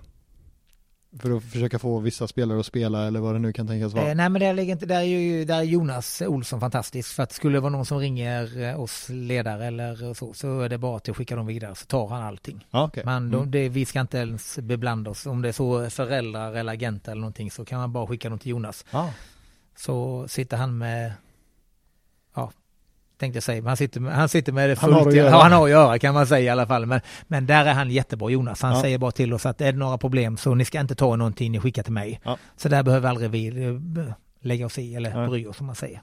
Det är tacksamt. ja. Men det, skickar ni då, alltså om man då tänker, ja men här har vi en kille som verkar ha en snurrig rådgivare. Skickar ni signaler till Jonas då också för, för att försöka få, få fatt i det där? Eller man kanske inte kan påverka dem om Nej, vilka... vi får egentligen inte, vi, alltså, jag tror inte så, vi får ju aldrig påverka någon spelare eh, om någon ringer och frågar är det här en bra rådgivare eller agent? Vad tycker du om detta? Alltså där får man vara ganska, ganska platt och säga Ja. att de får själva bestämma. Mm. Eh, för där får man inte ta ställning på något sätt. För då Just blir det. det kanske att, att man har någon som man, ja. Mm. Just det. Men, men det finns väl som sagt, det finns ju bra och dåliga. Mm. Eh, och man kanske på något sätt kan försöka få dem att förstå att det är bättre att gå höger än vänster Ja, på något sätt. Men, men man får aldrig liksom på något sätt eh, råd, ge någonting för då, nej, det får vi inte göra. nej. Nej, det går ju inte såklart. Nej, då sitter man, ja, det, där det blir fel på det andra hållet på något sätt. Ja, såklart. När det kommer till att attrahera spelare hit, för man vill ju också få in nya, nya talanger för att som ska ta plats här i IFK Göteborg. Eh, vad, vil- vilka ser ni som de största konkurrenterna i akademiverksamhet här inom regionen? För att attrahera hit unga förmågor. Ja, Jag skulle vilja säga att eh, vad jag hör, nu har jag liksom inget, jag är inte så inblandad, men man ska vara jäkligt medveten om att eh, folk vill spela vilt till Blåvitt. Det är Mm. kö för att komma till Blåvitt. Alltså det Okej, är sjukt mycket folk och spelare som vill in här. Så det är det minsta bekymret. Folk Ja. vill in, vi får tacka nej till mycket spelare. Ja.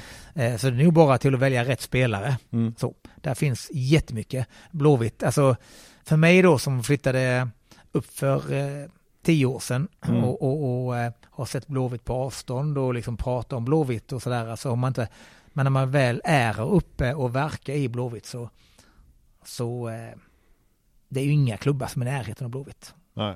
Alltså den attraktionskraften Blåvitt har, det är, det är ingen annan som har det. Man kan säga vad man vill. Jag kan, den, den som är närmast eh, Blåvitt är väl eh, Frölunda Hockey skulle jag vilja säga. Ja. Men lite så. Men annars, nej, det finns inget. De är överlägsna med alla, med alla förutsättningar. Så att där, där är ju jätte, och det är så mycket folk som vill in. Så det gäller Ja. nog bara att ta rätt spelare eller rätt, ja, men träffa rätt på något sätt. Ja. Så att den, där finns, nej, det skulle jag säga. Där är, ja. Oftast är väl det att ja, men vi har någon kille från Värmland säger vi, spelar i pojklandslaget, så brukar jag alltid se att det är tre klubbar här som alltid försöker få över den spelaren. Och det kan ju vara vi som jagar, Elfsborg och BK Häcken. Eh, vad tycker du, har, har du koll på hur Elfsborg och BK Häcken, hur deras akademier ser ut och vad de gör för bra saker? Brukar ni prata lite grann? För de är ju lite grann på uppgång också om man tittar på Det finns ju så eh, varje år så ska man ju lista, får ju klubbar poäng i Mm. sin akademiverksamhet. Eh, BK Häcken har ju börjat ta sig lite grann. Jag vet inte exakt hur de räknar ut poängen. Jag vet bara vilka kriterier man utgår går, går ifrån. Det är ju eh, man tittar på vilka värdegrund och mål akademin har, hur spelarutbildningen ser ut, hur ledarorganisationen ser ut, hur faciliteten ser ut, skolverksamhet, eh, skolsamverkan, förlåt mig, samarbete med andra klubbar och sportsliga resultat är det som grundar sig i poäng som ger då någon form av pottpoäng. Då. BK Häcken, Blåvitt och Elfsborg har gemensamt att de klassas som femstjärniga akademier. BK Häcken börjar ju ta sig lite grann här och även Elfsborg. Eh, det gör ju, upplever jag att konkurrensen blir lite hårdare här runt om i regionen. Vad är det som då får oss att sticka ut att vi kan få över den här pojklandslagsmannen som är då en supertalang eh, som får honom att välja oss och inte BK Häcken säger vi. Är det, kommer man in till de lägena där man pratar med spelaren om att man målar en karriärsbana redan i tidig ålder, säger att äh, du börjar här och sen ser vi dig i du har A-laget inom räckhåll om du gör detta, detta, detta. Så hur ser, hur pitchar man in talangerna till oss istället för att gå till, säger vi BK Häcken? Ja men det gör man ju. Man har ju en plan för hur man, hur man vill det ska se ut eller vad man tror det ska se ut eller Mm. så. Vilken, vilken, vilka steg man ska ta och sådär. Ja. Och, så, och, och, och vilka möjligheter där finns och, och vad, man, vad man gör och sådär. Och sen så visar man ju liksom förutsättningarna att vara i IFK Göteborg. Mm. Vi har en skola här till exempel. Om man, då, Ja. om man kommer från eh, Värmland så går man på kanske Aspero här Ja. i lokalerna. Du går här och pluggar. Mm. Du får mat, du tränar på morgonen, du Mm. äter, du går lektioner, du går från lektioner rätt ner i hallen. Mm. Du tränar här varje dag inomhus på världens bästa möjligheter här inne. Ja. Du åker hem, du får liksom alla förutsättningar. Kommer hit och gör det på måndag, tisdag, onsdag. Du gör det alltid, alltid och så. Ja. Och sen har du då, och så visar man hur det ser ut på Kamratgården och, hur det, och vad det nu är. Så att, eh, det är mer förutsättningar vad man själv vill. Men de här förutsättningarna som är här, eh, ibland kan jag brukar säga att man spelarna ibland blir nästan bortskämda att vara här för det, vilka, det är enorma, enorma förutsättningar här finns. Eh, eh, Så att det, det finns ju ingenting att klaga på. Förutsättningar finns där. Det är bara upp till dig själv hur bra Ja. du vill, hur mycket du vill göra med det. Men hade jag, hade jag 2022 kommit in här och visat att du, eh, att du i den här eh, åldern du står inne klockan åtta på eh, morgonträningen i shorts och t-shirt när det är eh, minus 20 ute och du står här inne i hallen och kan spela och träna på det. Ja, då finns det inte mycket att välja på. Plus att du har bra tränare, plus du har bra medspelare, plus du har bra miljö. Ja, då, eh, ja, då, då, eh, då är det upp till dig själv hur mycket du vill göra med det. Ja. Och då kommer du att lyckas. Den här lilla kamratgårdsresan påminner lite om eh, Jan Andersson tog ju tydligen med nyförvärv ut till Tylösand för att locka dem till HBK. Det är lite samma princip då ju. Eh, ja, nej men alltså jag, jag säger än en gång. Eh, har sagt, jag, jag flyttade upp till Göteborg 2013 Mm. eh, och då pratade alla om eh, de här eh, Göteborgsklubbarna som har Kamratgården, Nöjesgården, Gaisgården och jag som skåning tyckte då att de snackar om här jävla gårdar och vad fan hur bra kan det vara egentligen? För vi har, sånt har man inte i Skåne, man har Nej. arenan och så har man så. Vad är det som gör det? Ja. Men åker man ut till Kamratgården där ute då fattar man vad en jävla Kamratgården är liksom. Och Ja. så här, det är ju det är enormt att vara där ute. Vilken Mm. energi, det är lugnet, de planerna, skogen. Alltså, då fattar man vad det innebär. Så till och med jag som skåning har fattat att ja, de har inte helt fel här uppe. De här Nej. gårdarna, det är, det är något visst med dem. Det är enormt. Alltså, Ja. så kommer du från Värmland i skogarna kanske eller något, och en Ja. dålig gräsplan eller konstgräs eller vad det är. Och så kommer du till Kamratgården. Ja. Ja, tackar du inte ja till det då, då är du inte värd att vara här tänkte jag säga. Men då, då har du något annat problem. Så, att, eh, så är det. Så att, nej, så det är alla, alla möjligheter. ja. Men, men, var ligger träningsplanen någonstans i Helsingborg? Det ligger bakom Olympia. Ja den gör man, det. man byter om inne på Olympia. Ja, man gör- säger- okej. Jajamensan, så Ja, ligger okej. planerna bakom det. Och det är jättefina möjligheter så, men det är ju inte det är inte på, det är inte riktigt på det sättet Nej. som det är på Kamratgården. Det är något speciellt om man säger så här. Så att, eh, det är inte som det, som det är där nere. Det är samma i Malmö. De har ju också precis bredvid eh, arenan. Mm. Så tränar ju där också Malmö på samma sätt. Det är väl Just det. egentligen Stockholmslagen som inte gör det. De Mm. är ju ute i de olika delarna. Men Ja. det är, jag själv var i Stockholm så jag passade på att ta Årsta en hade någon rundtur. grind där va? Årsta ja. Ja. Ja, ja, de har ju, där är det mer, det är ju stängt. Det är inte Ja. så öppet. Djurgården är ganska öppet dock Ja. där, men jag var inte imponerad eh, av Kaknäs Nej. speciellt. Det var inte, det var en liten klubbstuga. Mm. Inte något speciellt att anmärka över fina planer, absolut. Men Jo, det, det, Kamratgården är speciellt. Helt klart. Men just det här jobbet är att vi har ju detta som du säger, Kamratgården och liknande. Men vad blir nu utmaningen här framöver? För att vi ser ju att fotbollen, det är ju mer och mer, det är ju, individuell, det är ju individualistiskt i större grad. Man vill ut snabbare. Ni pratar mycket om det här när ni samlas gänget här i, i det här bygget. Hur ser planen ut, alltså så här lite konkret? Hur ska vi få talangerna att vilja stanna kvar och inte ha så bråttom? Det är ett jättesvårt jobb, det fattar jag ju. Men hur ska vi gå tillväga för att få dem att vara kvar? Längre, ha lite mer tålamod. Det är en, eh, det är en väldigt bra fråga. Ehm, jag tror eh, personligen tror jag att eh, man måste vara, man måste ha lite man måste vara lite klok som spelare och ha bra folk runt omkring sig för att du måste etablera dig först i allsvenskan och klara av att spela de här tuffa matcherna i allsvenskan och kolla, klara av det innan du ska ut i Europa. För det steget är så enormt stort, man, det, det går inte att jämföra. Eh, att gå du från allsvenskan in till eh, Bundesliga eller gå till Premier League eller någonting, det steget är enormt så du måste ha x antal matcher i allsvenskan och klara av det. Du ska spela ett derby inför utsålt. Du måste klara av det här innan du flyttar. Du kan inte flytta från akademin och rätt ut och tro det blir väldigt få som klarar det. Så det måste du först och främst eh, få till dem att de, ska, de måste klara detta. Eh, och där också måste, du- måste man förstå också att steget från att gå till allsvenskan till att gå kanske till ett eh, mittenlag i Danmark. Du tjänar mer pengar på grund av skatten. Det gör det. Det är roligt att gå till Danmark när du är 20. Du får mer i lönekuvertet. Så. Ja. Men det kan du inte du försörja dig. För när du är 30 så måste du ändå hem och jobba på något sätt. Du, är inte, du kan bli inte rik på det. För stunden får du lite mer pengar. Häftigt. Mm. När steget därifrån, det ska ut, ska du tjäna de riktigt stora pengarna så måste du ut i Europa. Mm. Då är inte mellansteget att gå till Sönderjysk eller Åg och- och Århus eller Nej. Ålborg eller Odense. Det kan du skita i. Ja. För stunden i två år så får du istället för att få ut eh, 20 000 får du ut 40 000 eller vad det Mm. nu är. Men det kan du hoppa liksom. Ja, Det är bättre skola. Du har lika bra akademi i Sverige ja. istället för att gå dit. Och sen kan du ta nästa steg. Måste få folk att förstå det. Ja, jag tror att de som, de som fixar det där, eh, ja, men om man, den som jag tänker främst på kanske är Sebastian Larsson, ehm, som har gått den vägen. Och sen kommer jag faktiskt, eh, Per Zetterberg. ja Per Zetterberg och, och sådär. Det, fin, det finns ju undantag naturligtvis, men de känns ju som att de måste ju vara någonting utöver det vanliga när det kommer till just pannben då. Eh, är det Martin Olsson också va?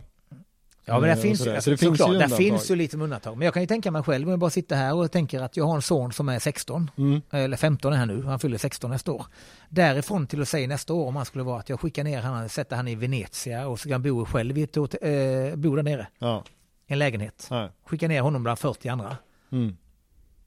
Inte en chans. Ja, men du, du vet ju om, du kan ju baksidan. Jag upplever att föräldrar som inte är inne i fotbollsvärlden och Mm. i den här bubblan, de ser ju det som, eh, de ser ju glamouren, de ser det fina på Ja. Instagram, de ser liksom lyxbilen, de ser en tidig succé. Mm. De vet ju inte om, och jag menar på föräldrar är ju det största hotet utöver rådgivare, för de är ju några som sätter press på de här unga spelarna. Mm. Eh, ja, föräldramöten och sånt där, hur jobbar man med föräldrar i den här gruppen? Nu sa du Jonas Olsson är ju den som har dialog och så, men eh, rådgivare är ju en sak, men föräldrar är ju minst lika viktiga att involvera i de här åldrarna för att liksom de ska höra planen och Mm. förstå fotboll. För ja, det, det den här förståelsen finns ju inte. Det är ju individuellt, eh, ens grabb ska göra mål, åh du måste ha en häftig målgest, Mm. det lägger vi upp på eh, Föräldrar lägger upp barnet på sina Instagrams och sina Facebooks och flyter på, men förstår inte det här med lagidrott. Även föräldrar är ju extremt individualistiska i detta. Hur får man bort det beteendet här i IFK Göteborg? Nej, där tror, jag man, där tror jag man har mycket att göra. Om man tänker, vi pratar lite om vad Bayern München gör när man har eh, skolor och sånt. Då träffar Ja. man föräldrarna i januari tror jag det är. Mm. Sen har man avstängning antingen i sommar eller efter säsongen. Man har bara ett. Så det här är som gäller. Det här gäller för barnen när man är i akademin. Mm. Vi vill inte höra någonting från er. Ni har ingenting att göra med detta. Detta Nej. gäller. Gillar man inte det så får man liksom ta dem någon annanstans. Ja. Eh, Tyskt och rakt, det är ändå fint. Älskar det. Ja, ja, det är så det finns, inga, det finns inget svart eller vitt, så här är det. Antingen gör vi så här eller så gör vi någonting annat bara. Så det, Ja. det, och där måste vi, tycker jag i Sverige, bli hårdare nypor. Vi är lite för... jag- får inte säga det egentligen, men jag tycker ibland Sverige, vi är lite mycket mellanmjölk ibland. Jo, ibland det vi måste vara fan lite hårdare nypor. Det är ingen som har dött av det liksom. Så vi måste bli tuffare. Eh, och då innebär det också, säga att antingen det är det här vi har och Mm. gillar ni inte det så får ni gå någon annanstans. Eh, och där tycker jag vi blir mycket, vi blir bättre på det, tror Mm. jag. Ja. Eh, för det här med att man hör av sig, varför spelar inte han och varför Mm. gör han inte det och varför blir det så här? Nej, men Ja, så det har inte det. du att göra med Nej, egentligen. precis. För ni har satt er son eller dotter här Mm. och då får ni lita på att vi löser det. Och lös, gillar inte det så får man gå någon annanstans. Ja. That's it liksom. Ja. Eh, och jag tror att där, kan, där har vi mer att jobba med. Tror jag. Om vi tittar på just det, för jag tänker, för som du säger där, man har en plan. Alltså när ser du en, eh, alltså när blir man talang?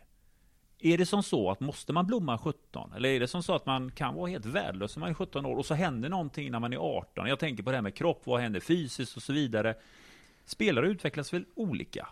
Man är ju inte en färdig talang bara för att man är 17 år. Men det, det, det, och det, där upplever jag att det är en jättestor skillnad från när du eh, blev proffs till exempel. För då känns det som att då var man talang i alla fall upp till 22 eller? Men nu ska man ju Ja. nästan vara, nu ska man ju vara 22 ute. är för gammal Ja, men då är man i inte- vissa ögon och öron. Ja, det är i alla fall känslan. Nej, men känslan för mig också, jag, brukar säga det att om du säger att du spelar allsvenskan om det går lång tid, och du är 22-23 när du debuterar allsvenskan, Ja. så det är väl ganska bra för att säga att du spelar som kille i alla fall, så kanske du kan spela till du är 36. Det innebär Ja. att du har 13 år på högsta nivå. Ja. Det innebär att du kan spela sju år i allsvenskan. Mm. Och sen kan du bli proffs efter det, så att du har många år att göra det. Men nu är det mycket stressat. Har du inte debuterat innan du är 17 så då är du på väg neråt. Och det är, liksom, det är den här, ja, Målvakter klarar sig dock från det. Tack Ja, och lov, lite så är det. än. Ja, de får inte spela, de får inte debutera för de är 32 liksom. Att, nej, men, men, nej, men, men där är ju lite den, eh, den stressen. Men nej, jag tror att, eh, hur man ser på det, jag tror att det är ganska enkelt, eh, tyck, eller enkelt är det inte, men för mig är det också att eh, har du en ta talang, du kan vara talang för du är stor, du är Mm. jävligt stor tidigt, du gör mycket mål eller du är snabb eller vad det Ja. är.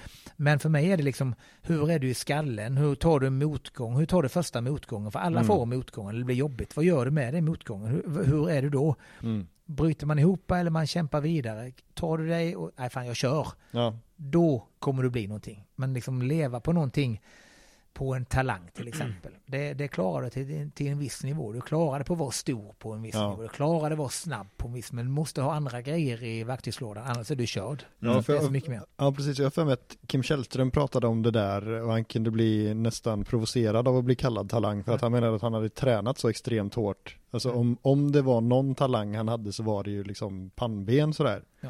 Ehm, och det ligger väl någonting i det känns det som. Men det är samma, jag kan, ju- därför kan jag relatera till det. Jag var inte världens största talang. Jag hade väl eh, i min, eh, ja, var ganska, var väl bra på, eller var medel på många grejer. Mm. Men mitt, eh, varför jag tog mig så långt, det var mitt pannben. Jag Ja. var psyk, jag var stark i huvudet. Ja. Det var därför jag tog mig så långt som jag gjorde. Sen hade jag väl vissa egenskaper fotbollsmässigt som jag, såklart gjorde det.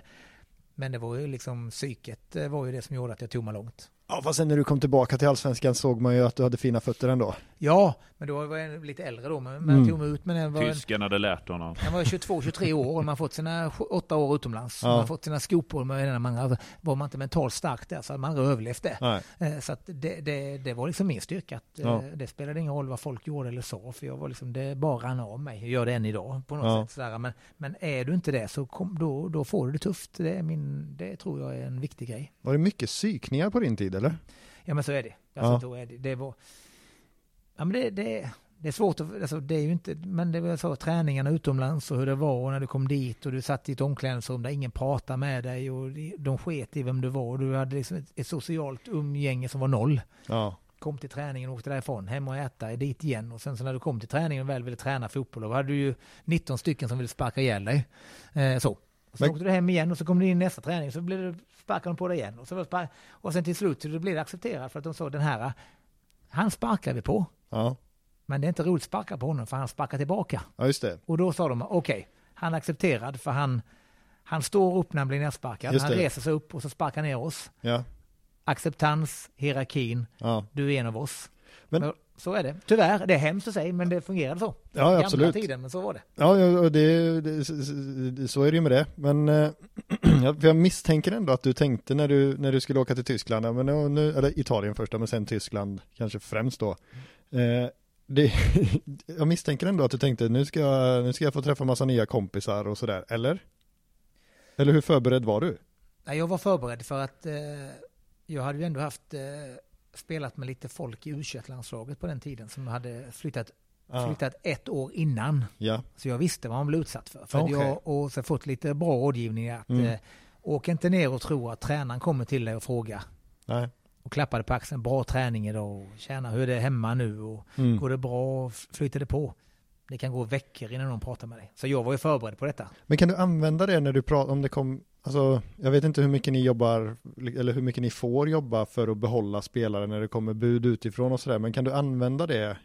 Här, alltså, är du säker på att du är redo för det här? För det, kom, det här kommer liksom, de kommer sparka ner dig, det kommer vara en tränare som inte pratar med dig och så vidare och så vidare. Ja, det är, jag är nog lite för, med de jag har nu är ju inget jag pratar med dem om utan då har Nej. de ju säkert någon annan som guidar dem och tycker det så. Men, men så där är inte jag riktigt men kan väl ibland, någon kan väl ibland fråga mig hur det är liksom och sådär. Mm. Och försöker väl, det är den bästa tiden jag har haft i mitt liv är ju såklart när jag varit utomlands och spelat fotboll. Det är inga konstigheter så men man ska också vara medveten att eh, det har ju sina baksidor. Det gäller att du är förberedd. Du kan inte åka ner och tro det är guld och gröna skogar och åka Nej. ner och tycka att det här är high life. Det är det inte, inte i början i alla fall. Då, då blir du testad. Men så är det. Ja. Men annars så är det ju jävligt häftig resa men du måste vara förberedd. Är du inte det så åker du hem efter ett halvår. Jo, men alltså, jag menar, vi kan ju ta Zlatan Ibrahimovic. Och han har ju, man ska ju se de filmerna han har gjort också. Jag menar, man ska ju titta speciellt på hans första tid i Ajax. Det var ju inte guld och gröna skogar, Nej. utan det var ju ensamhet. Det var hem och spela Fifa i en liten lägenhet, hade ingen kontakt med några lagkompisar och han hade fansen emot sig. Han hade tränare som inte pratade med honom överhuvudtaget. Mm. Vändningen kom egentligen när han fick en rådgivare som sa till honom att du ska sälja din sportbil, du ska köra en mindre bil, för du är inte Mm. bra. Han, han behövde höra det. Ja. Och det här behöver du göra för att bli bra, för att bli accepterad i den här klubben. Mm. Då fick han en rådgivare, Mino Raiola då, Mm. i det här fallet, som passade honom. Rådgivare är så viktiga och det är det som kan vara lite skrämmande på det sättet att det hänger ju så mycket idag på vem man har som rådgivare. Om man har den seriösa så är det ju väldigt bra. Man kan Mm. också ha den oseriösa som målar upp det här precis det glamourlivet. Ja men Mm. herregud, Italien, vem vill inte bo där? Det är otroligt. Venetien då, flodernas stad, det är bara Ja. att dra. Ja, och vi ska inte fastna så länge vid Tobias Sana, men jag menar han kom ju tillbaka efter en semester och hade ett, fått ett högre tröjnummer plötsligt liksom. Den Ja, just det, var det speciell. Ajax du tänker på Ja, där va? precis. Mm.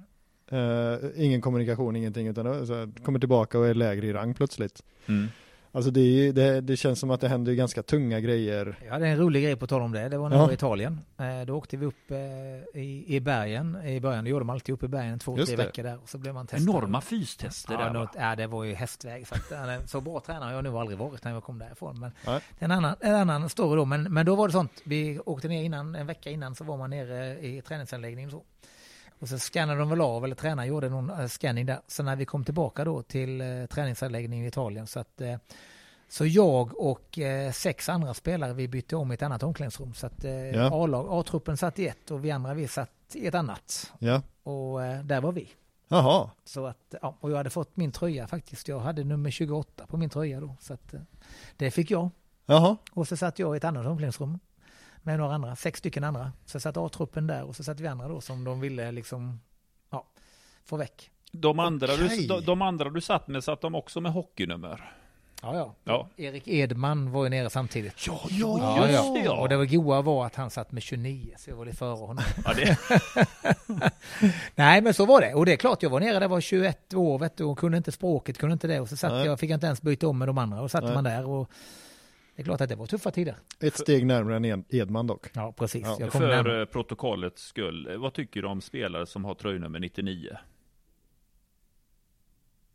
Tala Det- ärligt nu. Det är väl Marcus. bara en som får ni nummer 99, Stort det är tack. Wayne Gretzky Stort eller? tack. så. Exakt, så vi låter det vara så bra, jättebra. Det är så härligt att prata med en person som tänker precis samma sak. Nummer 77 Paul Coffey och Mario Precis. Lemieux Nej, men- 88. Ja, ja, ja. Alltså Ja. låt det vara. Va? Ja, jo, jo. Pontus Dahlberg vet ju inte vem Wayne Gretzky är, punkt. Så är det bara. Ja, men det får vi hoppas på att ettan kanske är ledig då eller någonting till, till nästa Han säsong. tar inte, ja men det är en annan debatt. Ja, men det det är skönt att ha med ja. Marcus Lantz på t- att det är vissa Han är så gammal så han vet vilka alla de är. Martin Dahlin hade det i Hamburg. Det var också tokigt. Han, var inte Martin Dahlin först ut med 99? Var det Han, han tog ju den i Hamburg när han lånades dit från Roma och han, jag har aldrig sett en spelare som körde 99. Han floppade ju totalt. Han gjorde ju inte ett mål i Ja, Hamburg. det gör man ju med 99. Det är riktigt. Eh, men jag tror Dahlin satte... Jag, för mig, jag kan nästan säga det att Dahlin var den första som tog det numret i Europa och Ja. som skulle då spela i startelva. Ja, det är ju... Ja, För det hade man annars gett till någon kille som är, man inte alls tror på att dig ska vi sälja, du är andra båset och kör och så vidare. Men Dahlin började. Men han Sen känns det- inte som en person som hade riktigt dåligt självförtroende heller. Nej, men det gick ju uselt. Ja, det gjorde det. Så är det. Ja. Har du någonting mer Antonio? Ja, men det är väl dags för lite lyssnarfrågor. Så var det ja. Vi har fått en hel del frågor. Ja. Okej. Du är ja, ju, spännande. Du är ju inte aktiv Ja. på sociala medier, men det är Nej. ju vi. Ja, men det är bra. Någon ska vara det ju. Någon ska vara det. Så vi, vi har ju berört en Shoot. Vi har, vi har, det är bra nivå på frågorna ska Ja. tilläggas, men vi har ju berö- berört en del, så jag ska titta lite grann här nu på, vi pratade om man jobbar med akademin och A-laget, eh, men här har vi en JV som undrar, varför är så få spelare på elitnivå tvåfotade? Hur jobbar man här i IFK Göteborg för att utveckla båda fötterna? Stämmer det? Delar du den uppfattningen att eh, det är få spelare som är tvåfotade? Eh, nej, men såklart jobbar vi med att man ska bli tvåfotad och kunna använda sin eh, mindre bra fot så mycket som möjligt såklart. Mm. Sen så tror jag nog att man pratar mycket om när man ska man ut och framåt så ska man utveckla en spetsegenskap och då Mm. är det bättre att vara spets med en fot än att vara 50% med båda på något Mm. sätt. Eller så här. Sen ska man kunna använda sin fot men jag tror att man är för att nå ut till högsta nivå så måste man hitta sin spets på något sätt. Mm. Och det är väl där. Eh, Sen jobbar vi såklart, i min ålder, de är 17 år, så jobbar jag såklart med, båda fötterna och sådär. Så Ja. jag är på Mm. den nivån så jag är inte riktigt där jag utvecklar spetsen utan då är det mer bredd. Man ska vara bra på, på mycket om man säger, Ja. där jag är nu. Mm. Ja. Eh, Tjurhenke här, vår vän från Norge här undrar om jobbet som akademichef i IFK Göteborg skulle bli ledigt. Hade du hoppat på det jobbet då? Jonas Olsson gör något annat nu. Alltså, äh, nu är det bra. Nej, det hade jag inte gjort. Aldrig i livet. Jag har suttit med Jonas med certifieringen och Jonas Olssons certifiering för att få poäng i certifieringen. Eh, Det är det enda han gör, sitter bakom datorskärmen, stackaren. Så att eh, nej, det hade jag inte gjort. Eh, fortsatt samma person undrar hur ofta tvättar du bilen och kör du det i tvättare eller kör du självtvätt när du tvättar bilen? Tvättar bilen väldigt sällan. Jag hoppas att det regnar jävligt mycket så det blir ren av det. Men skulle jag någon gång tvätta bilen så kör jag in det i en, någon som tvättar den för mig. Ja. Ja, du, ja, ja, du inte bensinmacken utan det är någon sån Nej, betonghalv. bensinmack in och Nej, här som bara... Ja. Borste? Ja men typ Ja. så, ja, kör in den. Så, men- det ska man inte göra, de äldre säger det är inte Nej. bra för lacken. Men, Nej, eh, det är helt riktigt. men nu har jag ju leasingbil så kan jag klara mig på det. Då är, ja, jag har jobbat inom bilvårdsbranschen i tio år innan där och precis som du säger, när man har leasing så skiter man lite i det. Det var inte ett rätt i det svaret kan vi konstatera i alla fall, men det tar vi en annan podd.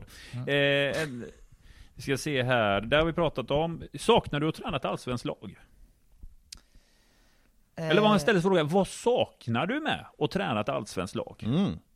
Vad jag saknar Ja. med... Eh, För det är kanske inte samma publiktryck där du är nu. nej, ja, det jag kan sakna ibland, det, det jag kan gå det som jag alltid har gått igång på, det är resultaten på något sätt. Det Mm. är ju att när man väl går in, om man säger att man tittar på Blåvitt nu sist mot Malmö, det är ju resultatet, du blir färgad, det är ju vinna Mm. på något sätt.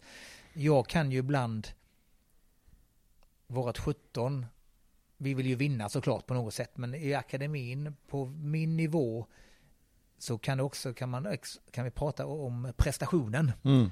Det är en, spelaren utvecklas, det är en Mm. bra prestation och lite mer man kan komma liksom så att vi kände ändå att vi förlorade men fan, det var bra, det var på något sätt du blir mer fejsad i ett A-lag. Då kan ju, Mm. okej, du vill ha en bra prestation, men du kan inte i ett A-lag stå och prata för länge om att det är bra prestationer. För bra prestationer och förlora, då åker du till helvete. Ja. Så den anspänningen kan jag någonstans sakna, den adrenalinkicken och, och stå där någonstans att nu, nu gäller det. Det handlar om att vinna. Och Mm. den, den kan jag sakna ibland. ja. Eh, så.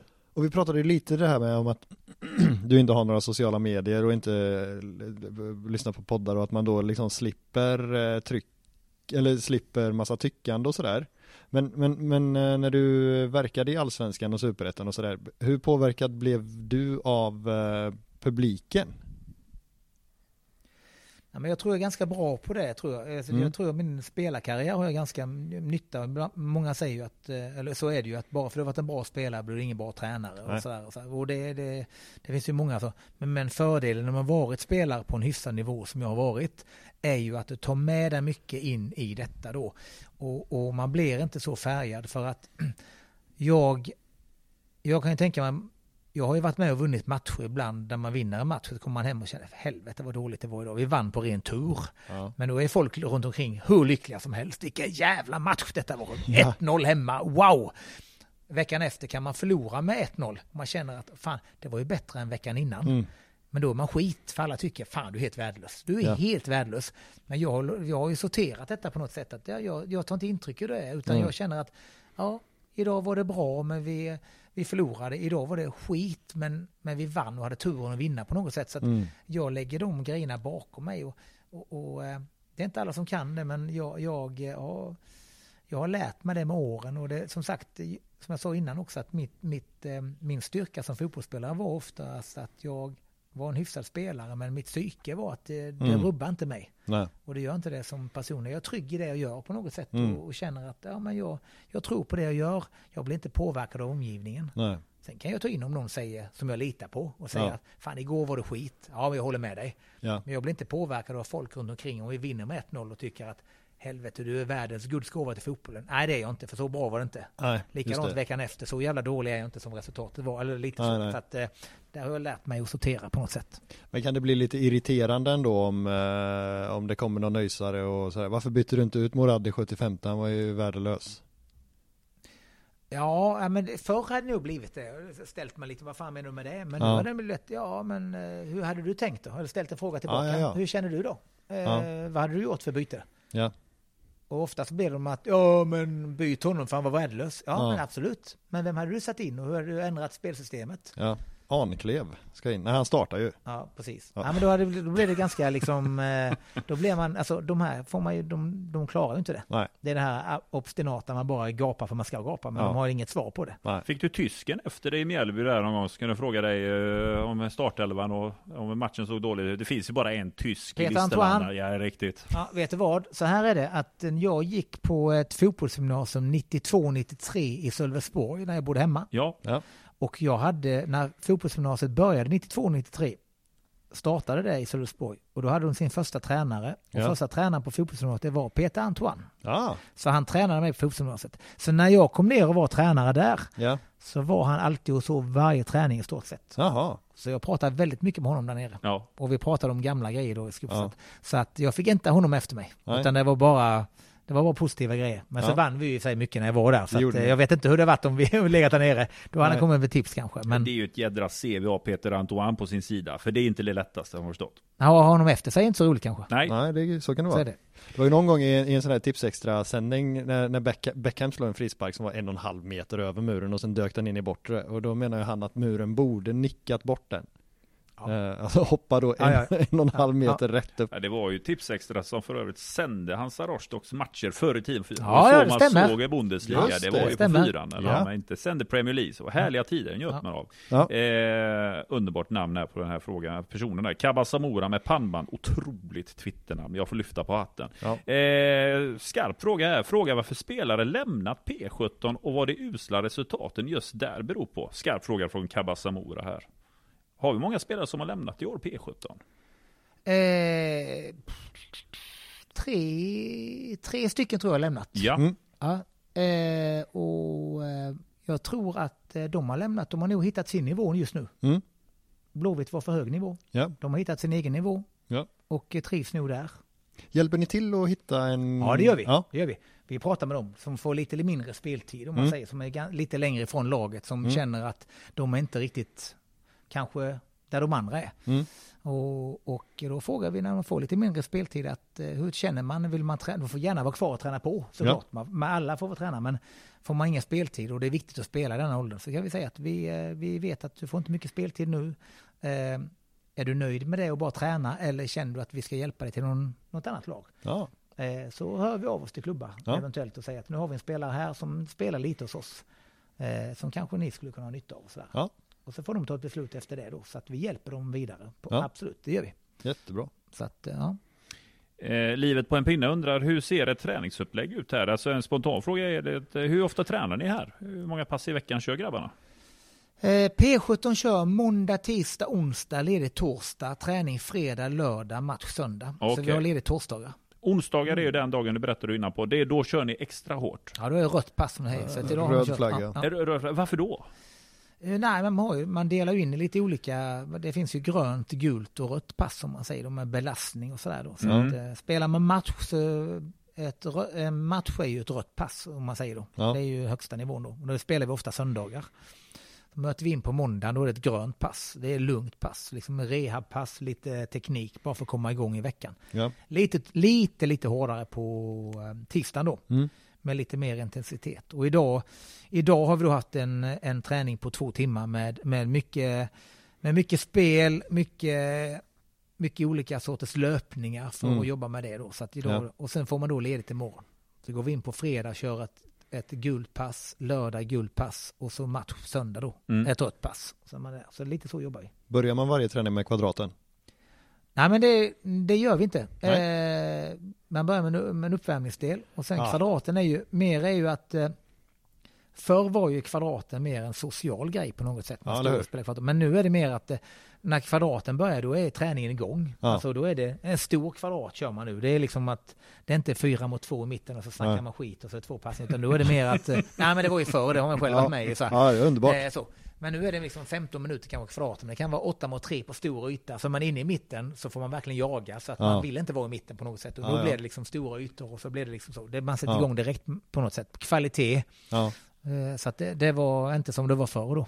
Får man någon straff om det blir ett visst antal eh, Det kan vara passningar? att man säger 20 passningar, 5 armhävningar Ja. eller någonting. Bara för att göra någonting som man ska Ja. ta. Så, att, så att eh, det är lite annorlunda kvadraten idag än det var för, på en annan tid om man säger. Då var det socialt. Sen Ja. har vi den ibland. Det är inte så vi inte gör det. Ibland kan det vara sånt. Idag får de bara stå och snacka skit och ha lite Ja. roligt. Men det ska ge ett syfte ibland om man säger. Mm, ja. Så, så det är lite annorlunda Men den, den, den händer ju inte på det röda passet. Det kan hända på det gröna passet att det blir lite roligt. Då kan det vara på måndagen efter match, om man säger nu. Sist vann vi mot Häcken hemma i söndags med 1-0 och, och då blir en måndagsträning kan vara jävligt soft om man bara står och tjötar och Mm. bara petar runt bollen och snackar lite hur skolan har varit, hur det varit Mm. och, Ja. och allting. Och sen, sen så kör man igång sen. Men hade ni förlorat mot Häcken 1-0 så hade det inte varit så soft, det misstänker jag där. Nej, då har det varit rött pass. Ja. riktigt.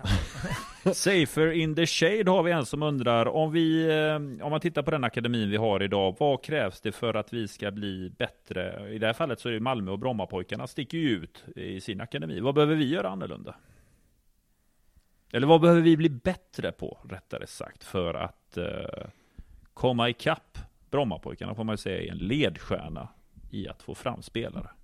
Ja, men det beror på i sig. Jag håller med. Bombpojkarna är ledstjärna i det. Eh, Jag tror vi har väl har vi en 70, 170 spelare i akademin. Och Brommapojkarna har, tar in 5000. Så att det är klart Mm. man kan ta in hur mycket som helst. Ja. Skulle vi ta in 5000 så hittar vi kanske också samma spelare som, som BP gör. För jag Ja. tänker lite grann Brommapojkarna som klubb, där de, eh, de har ju inte på väggarna att eh, det, skriker ju inte guld i A-lagssammanhang när man är Brommapojkarna. Brommapojkarna för mig är ju en identitet som är en klubb som fostrar spelare, att man sen efter det går vidare. De har ju den identiteten. Det blir väl på något sätt försprång för en sån förening som inte har kanske de tävlingsmässiga A-lagskraven som IFK Göteborg har. Att få fram fler talanger på det sättet. Det är mer accepterat att låta unga spelare blomma.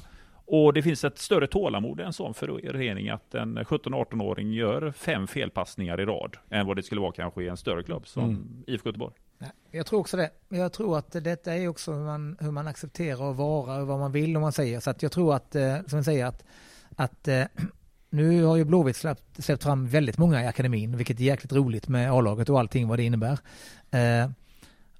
Eh, Men jag tror att man säger att ja, men BP slänger, slänger fram många yngre spelare. Men som har kanske varit i division 1 i många år och nu är man på väg upp i, ja, man är i superettan nu, Mm. till och med på väg upp i allsvenskan så, men men det är lättare att slänga in någon på Grimsta inför eh, 100, 102 personer. Än Mm. att slänga in en eh, akademispelare inför eh, 16 000 på Ullevi. Den ska vara mer förberedd där. Mm. Och det har mer och det blir tuffare. Så det. Ja. Så därför är det nog lättare att få fram de här lite yngre. Så att det Mm. Än en gång, det gäller de, de spelarna man får fram, liksom, det gäller det, i psyket, hur man är och slänga in dem i, i, vid, vid vissa till, tillfällen på något sätt. Så jag tror att, eh, ja, plus att vi, de förutsättningar vi, vi har, eh, vi har en arena här inne där vi kan träna eh, Mm. fem, sex pass i veckan på fullplan. De eh, där uppe, vissa Stockholmsklubbar kanske har eh, sex lag igång samtidigt på en elvamanna där Mm. man är 25 spelare på en, eh, på en tiondel. Ja. Eh, Är det bra kvalitet? Ja, det är kanske en som lyckas, men ni är 150 på samma yta. Liksom. Mm. Så att, eh, ja, jag vet inte vad som är bra, men Nej. här, våra förutsättningar här är grymma. Ja. Det var de frågorna jag plockade fram från sociala medier. Jag har en sista fråga. Ja. Eh, Karsten Janker. Hur underskattad var inte han egentligen? I ett globalt perspektiv.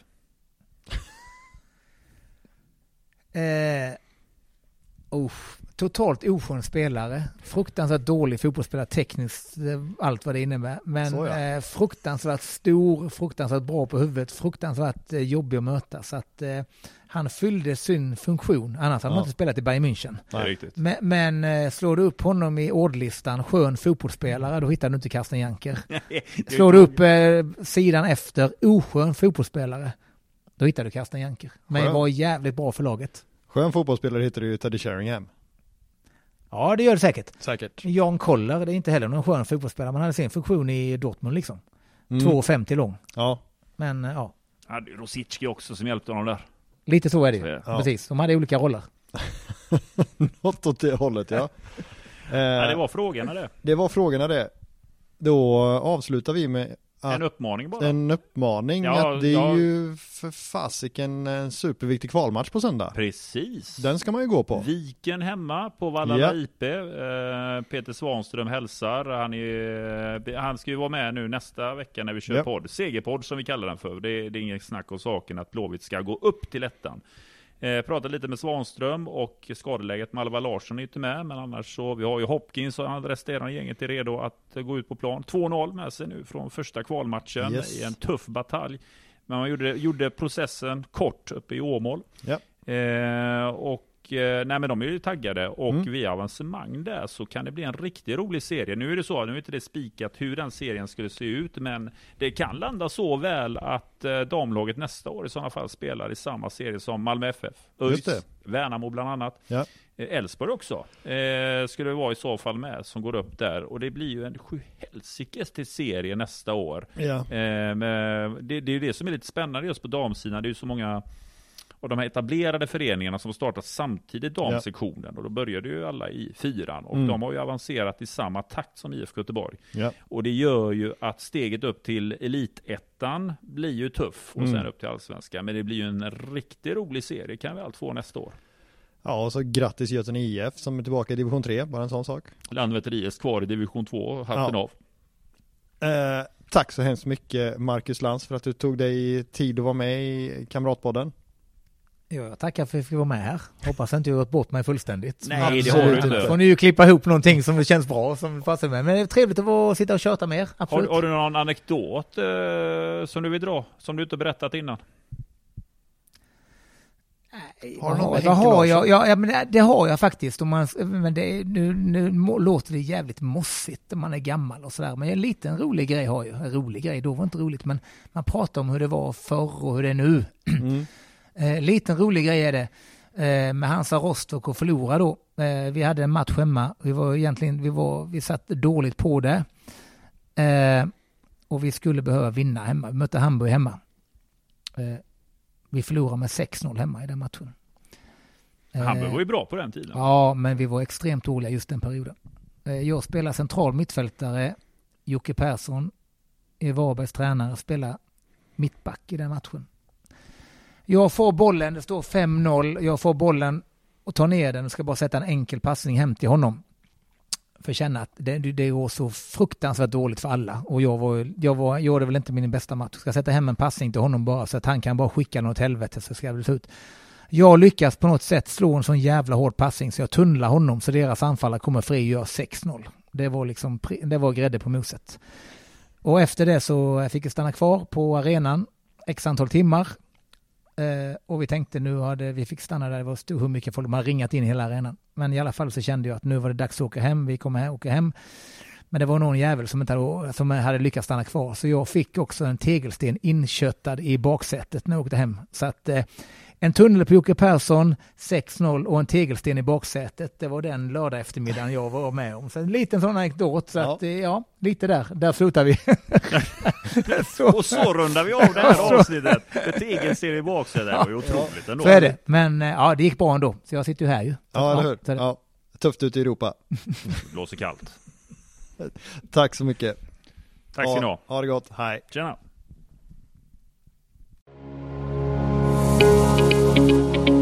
Hur är din form? Eh, jo, men uppåtgående då.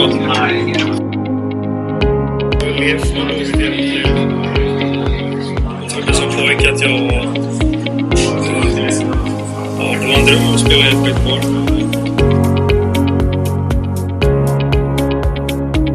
Håkan Mill. Det är ju bara att instämma med vad Håkan säger. Jag får göra det som. Eh, sen jag blev förvånad att vi kör eh, två centralt. Att vi inte kör eh, 4-3-3 uppställningen och kör tre centralt när vi spelar borta på konstgräs. Nej, 4-0. Alltså det, det är väl det vi tar. En bra fotbollsspelare och professionella människor som kommer hit. Olsson, hur läget med dig? Matanovic. Stort tack, bra, kul att vara här. Vad kan man ta med sig då? Jag tar med mig att Sebastian Eriksson spelade 35 minuter allsvensk fotboll. Det. Det är ju inte många år man ska vrida klockan tillbaks när man faktiskt kunde tänka sig att en spelaraffär in till allsvenskan över 10 miljoner, det skulle nästan vara otänkbart. Det är många klubbar som senaste boksluten redovisade rekordsiffror och det ser vi nu att det börjar faktiskt spenderas. Eh, nej men det är ju en sån liga som är lite grann som Championship var förr. Fullt ös, inte riktigt eh, hållt tätt bakåt. Utan eh, ja, raka rör och rätt på mål. Så det kommer ju passa Oskar. Det är ni som är konstiga och sådär. Exakt. Thåström, Ja. ja. Lite positivt var ju att det är rekord i redovisat eget kapital. Det har vi inte haft sedan jag tittade tillbaka 2007. Tack själv Daniel.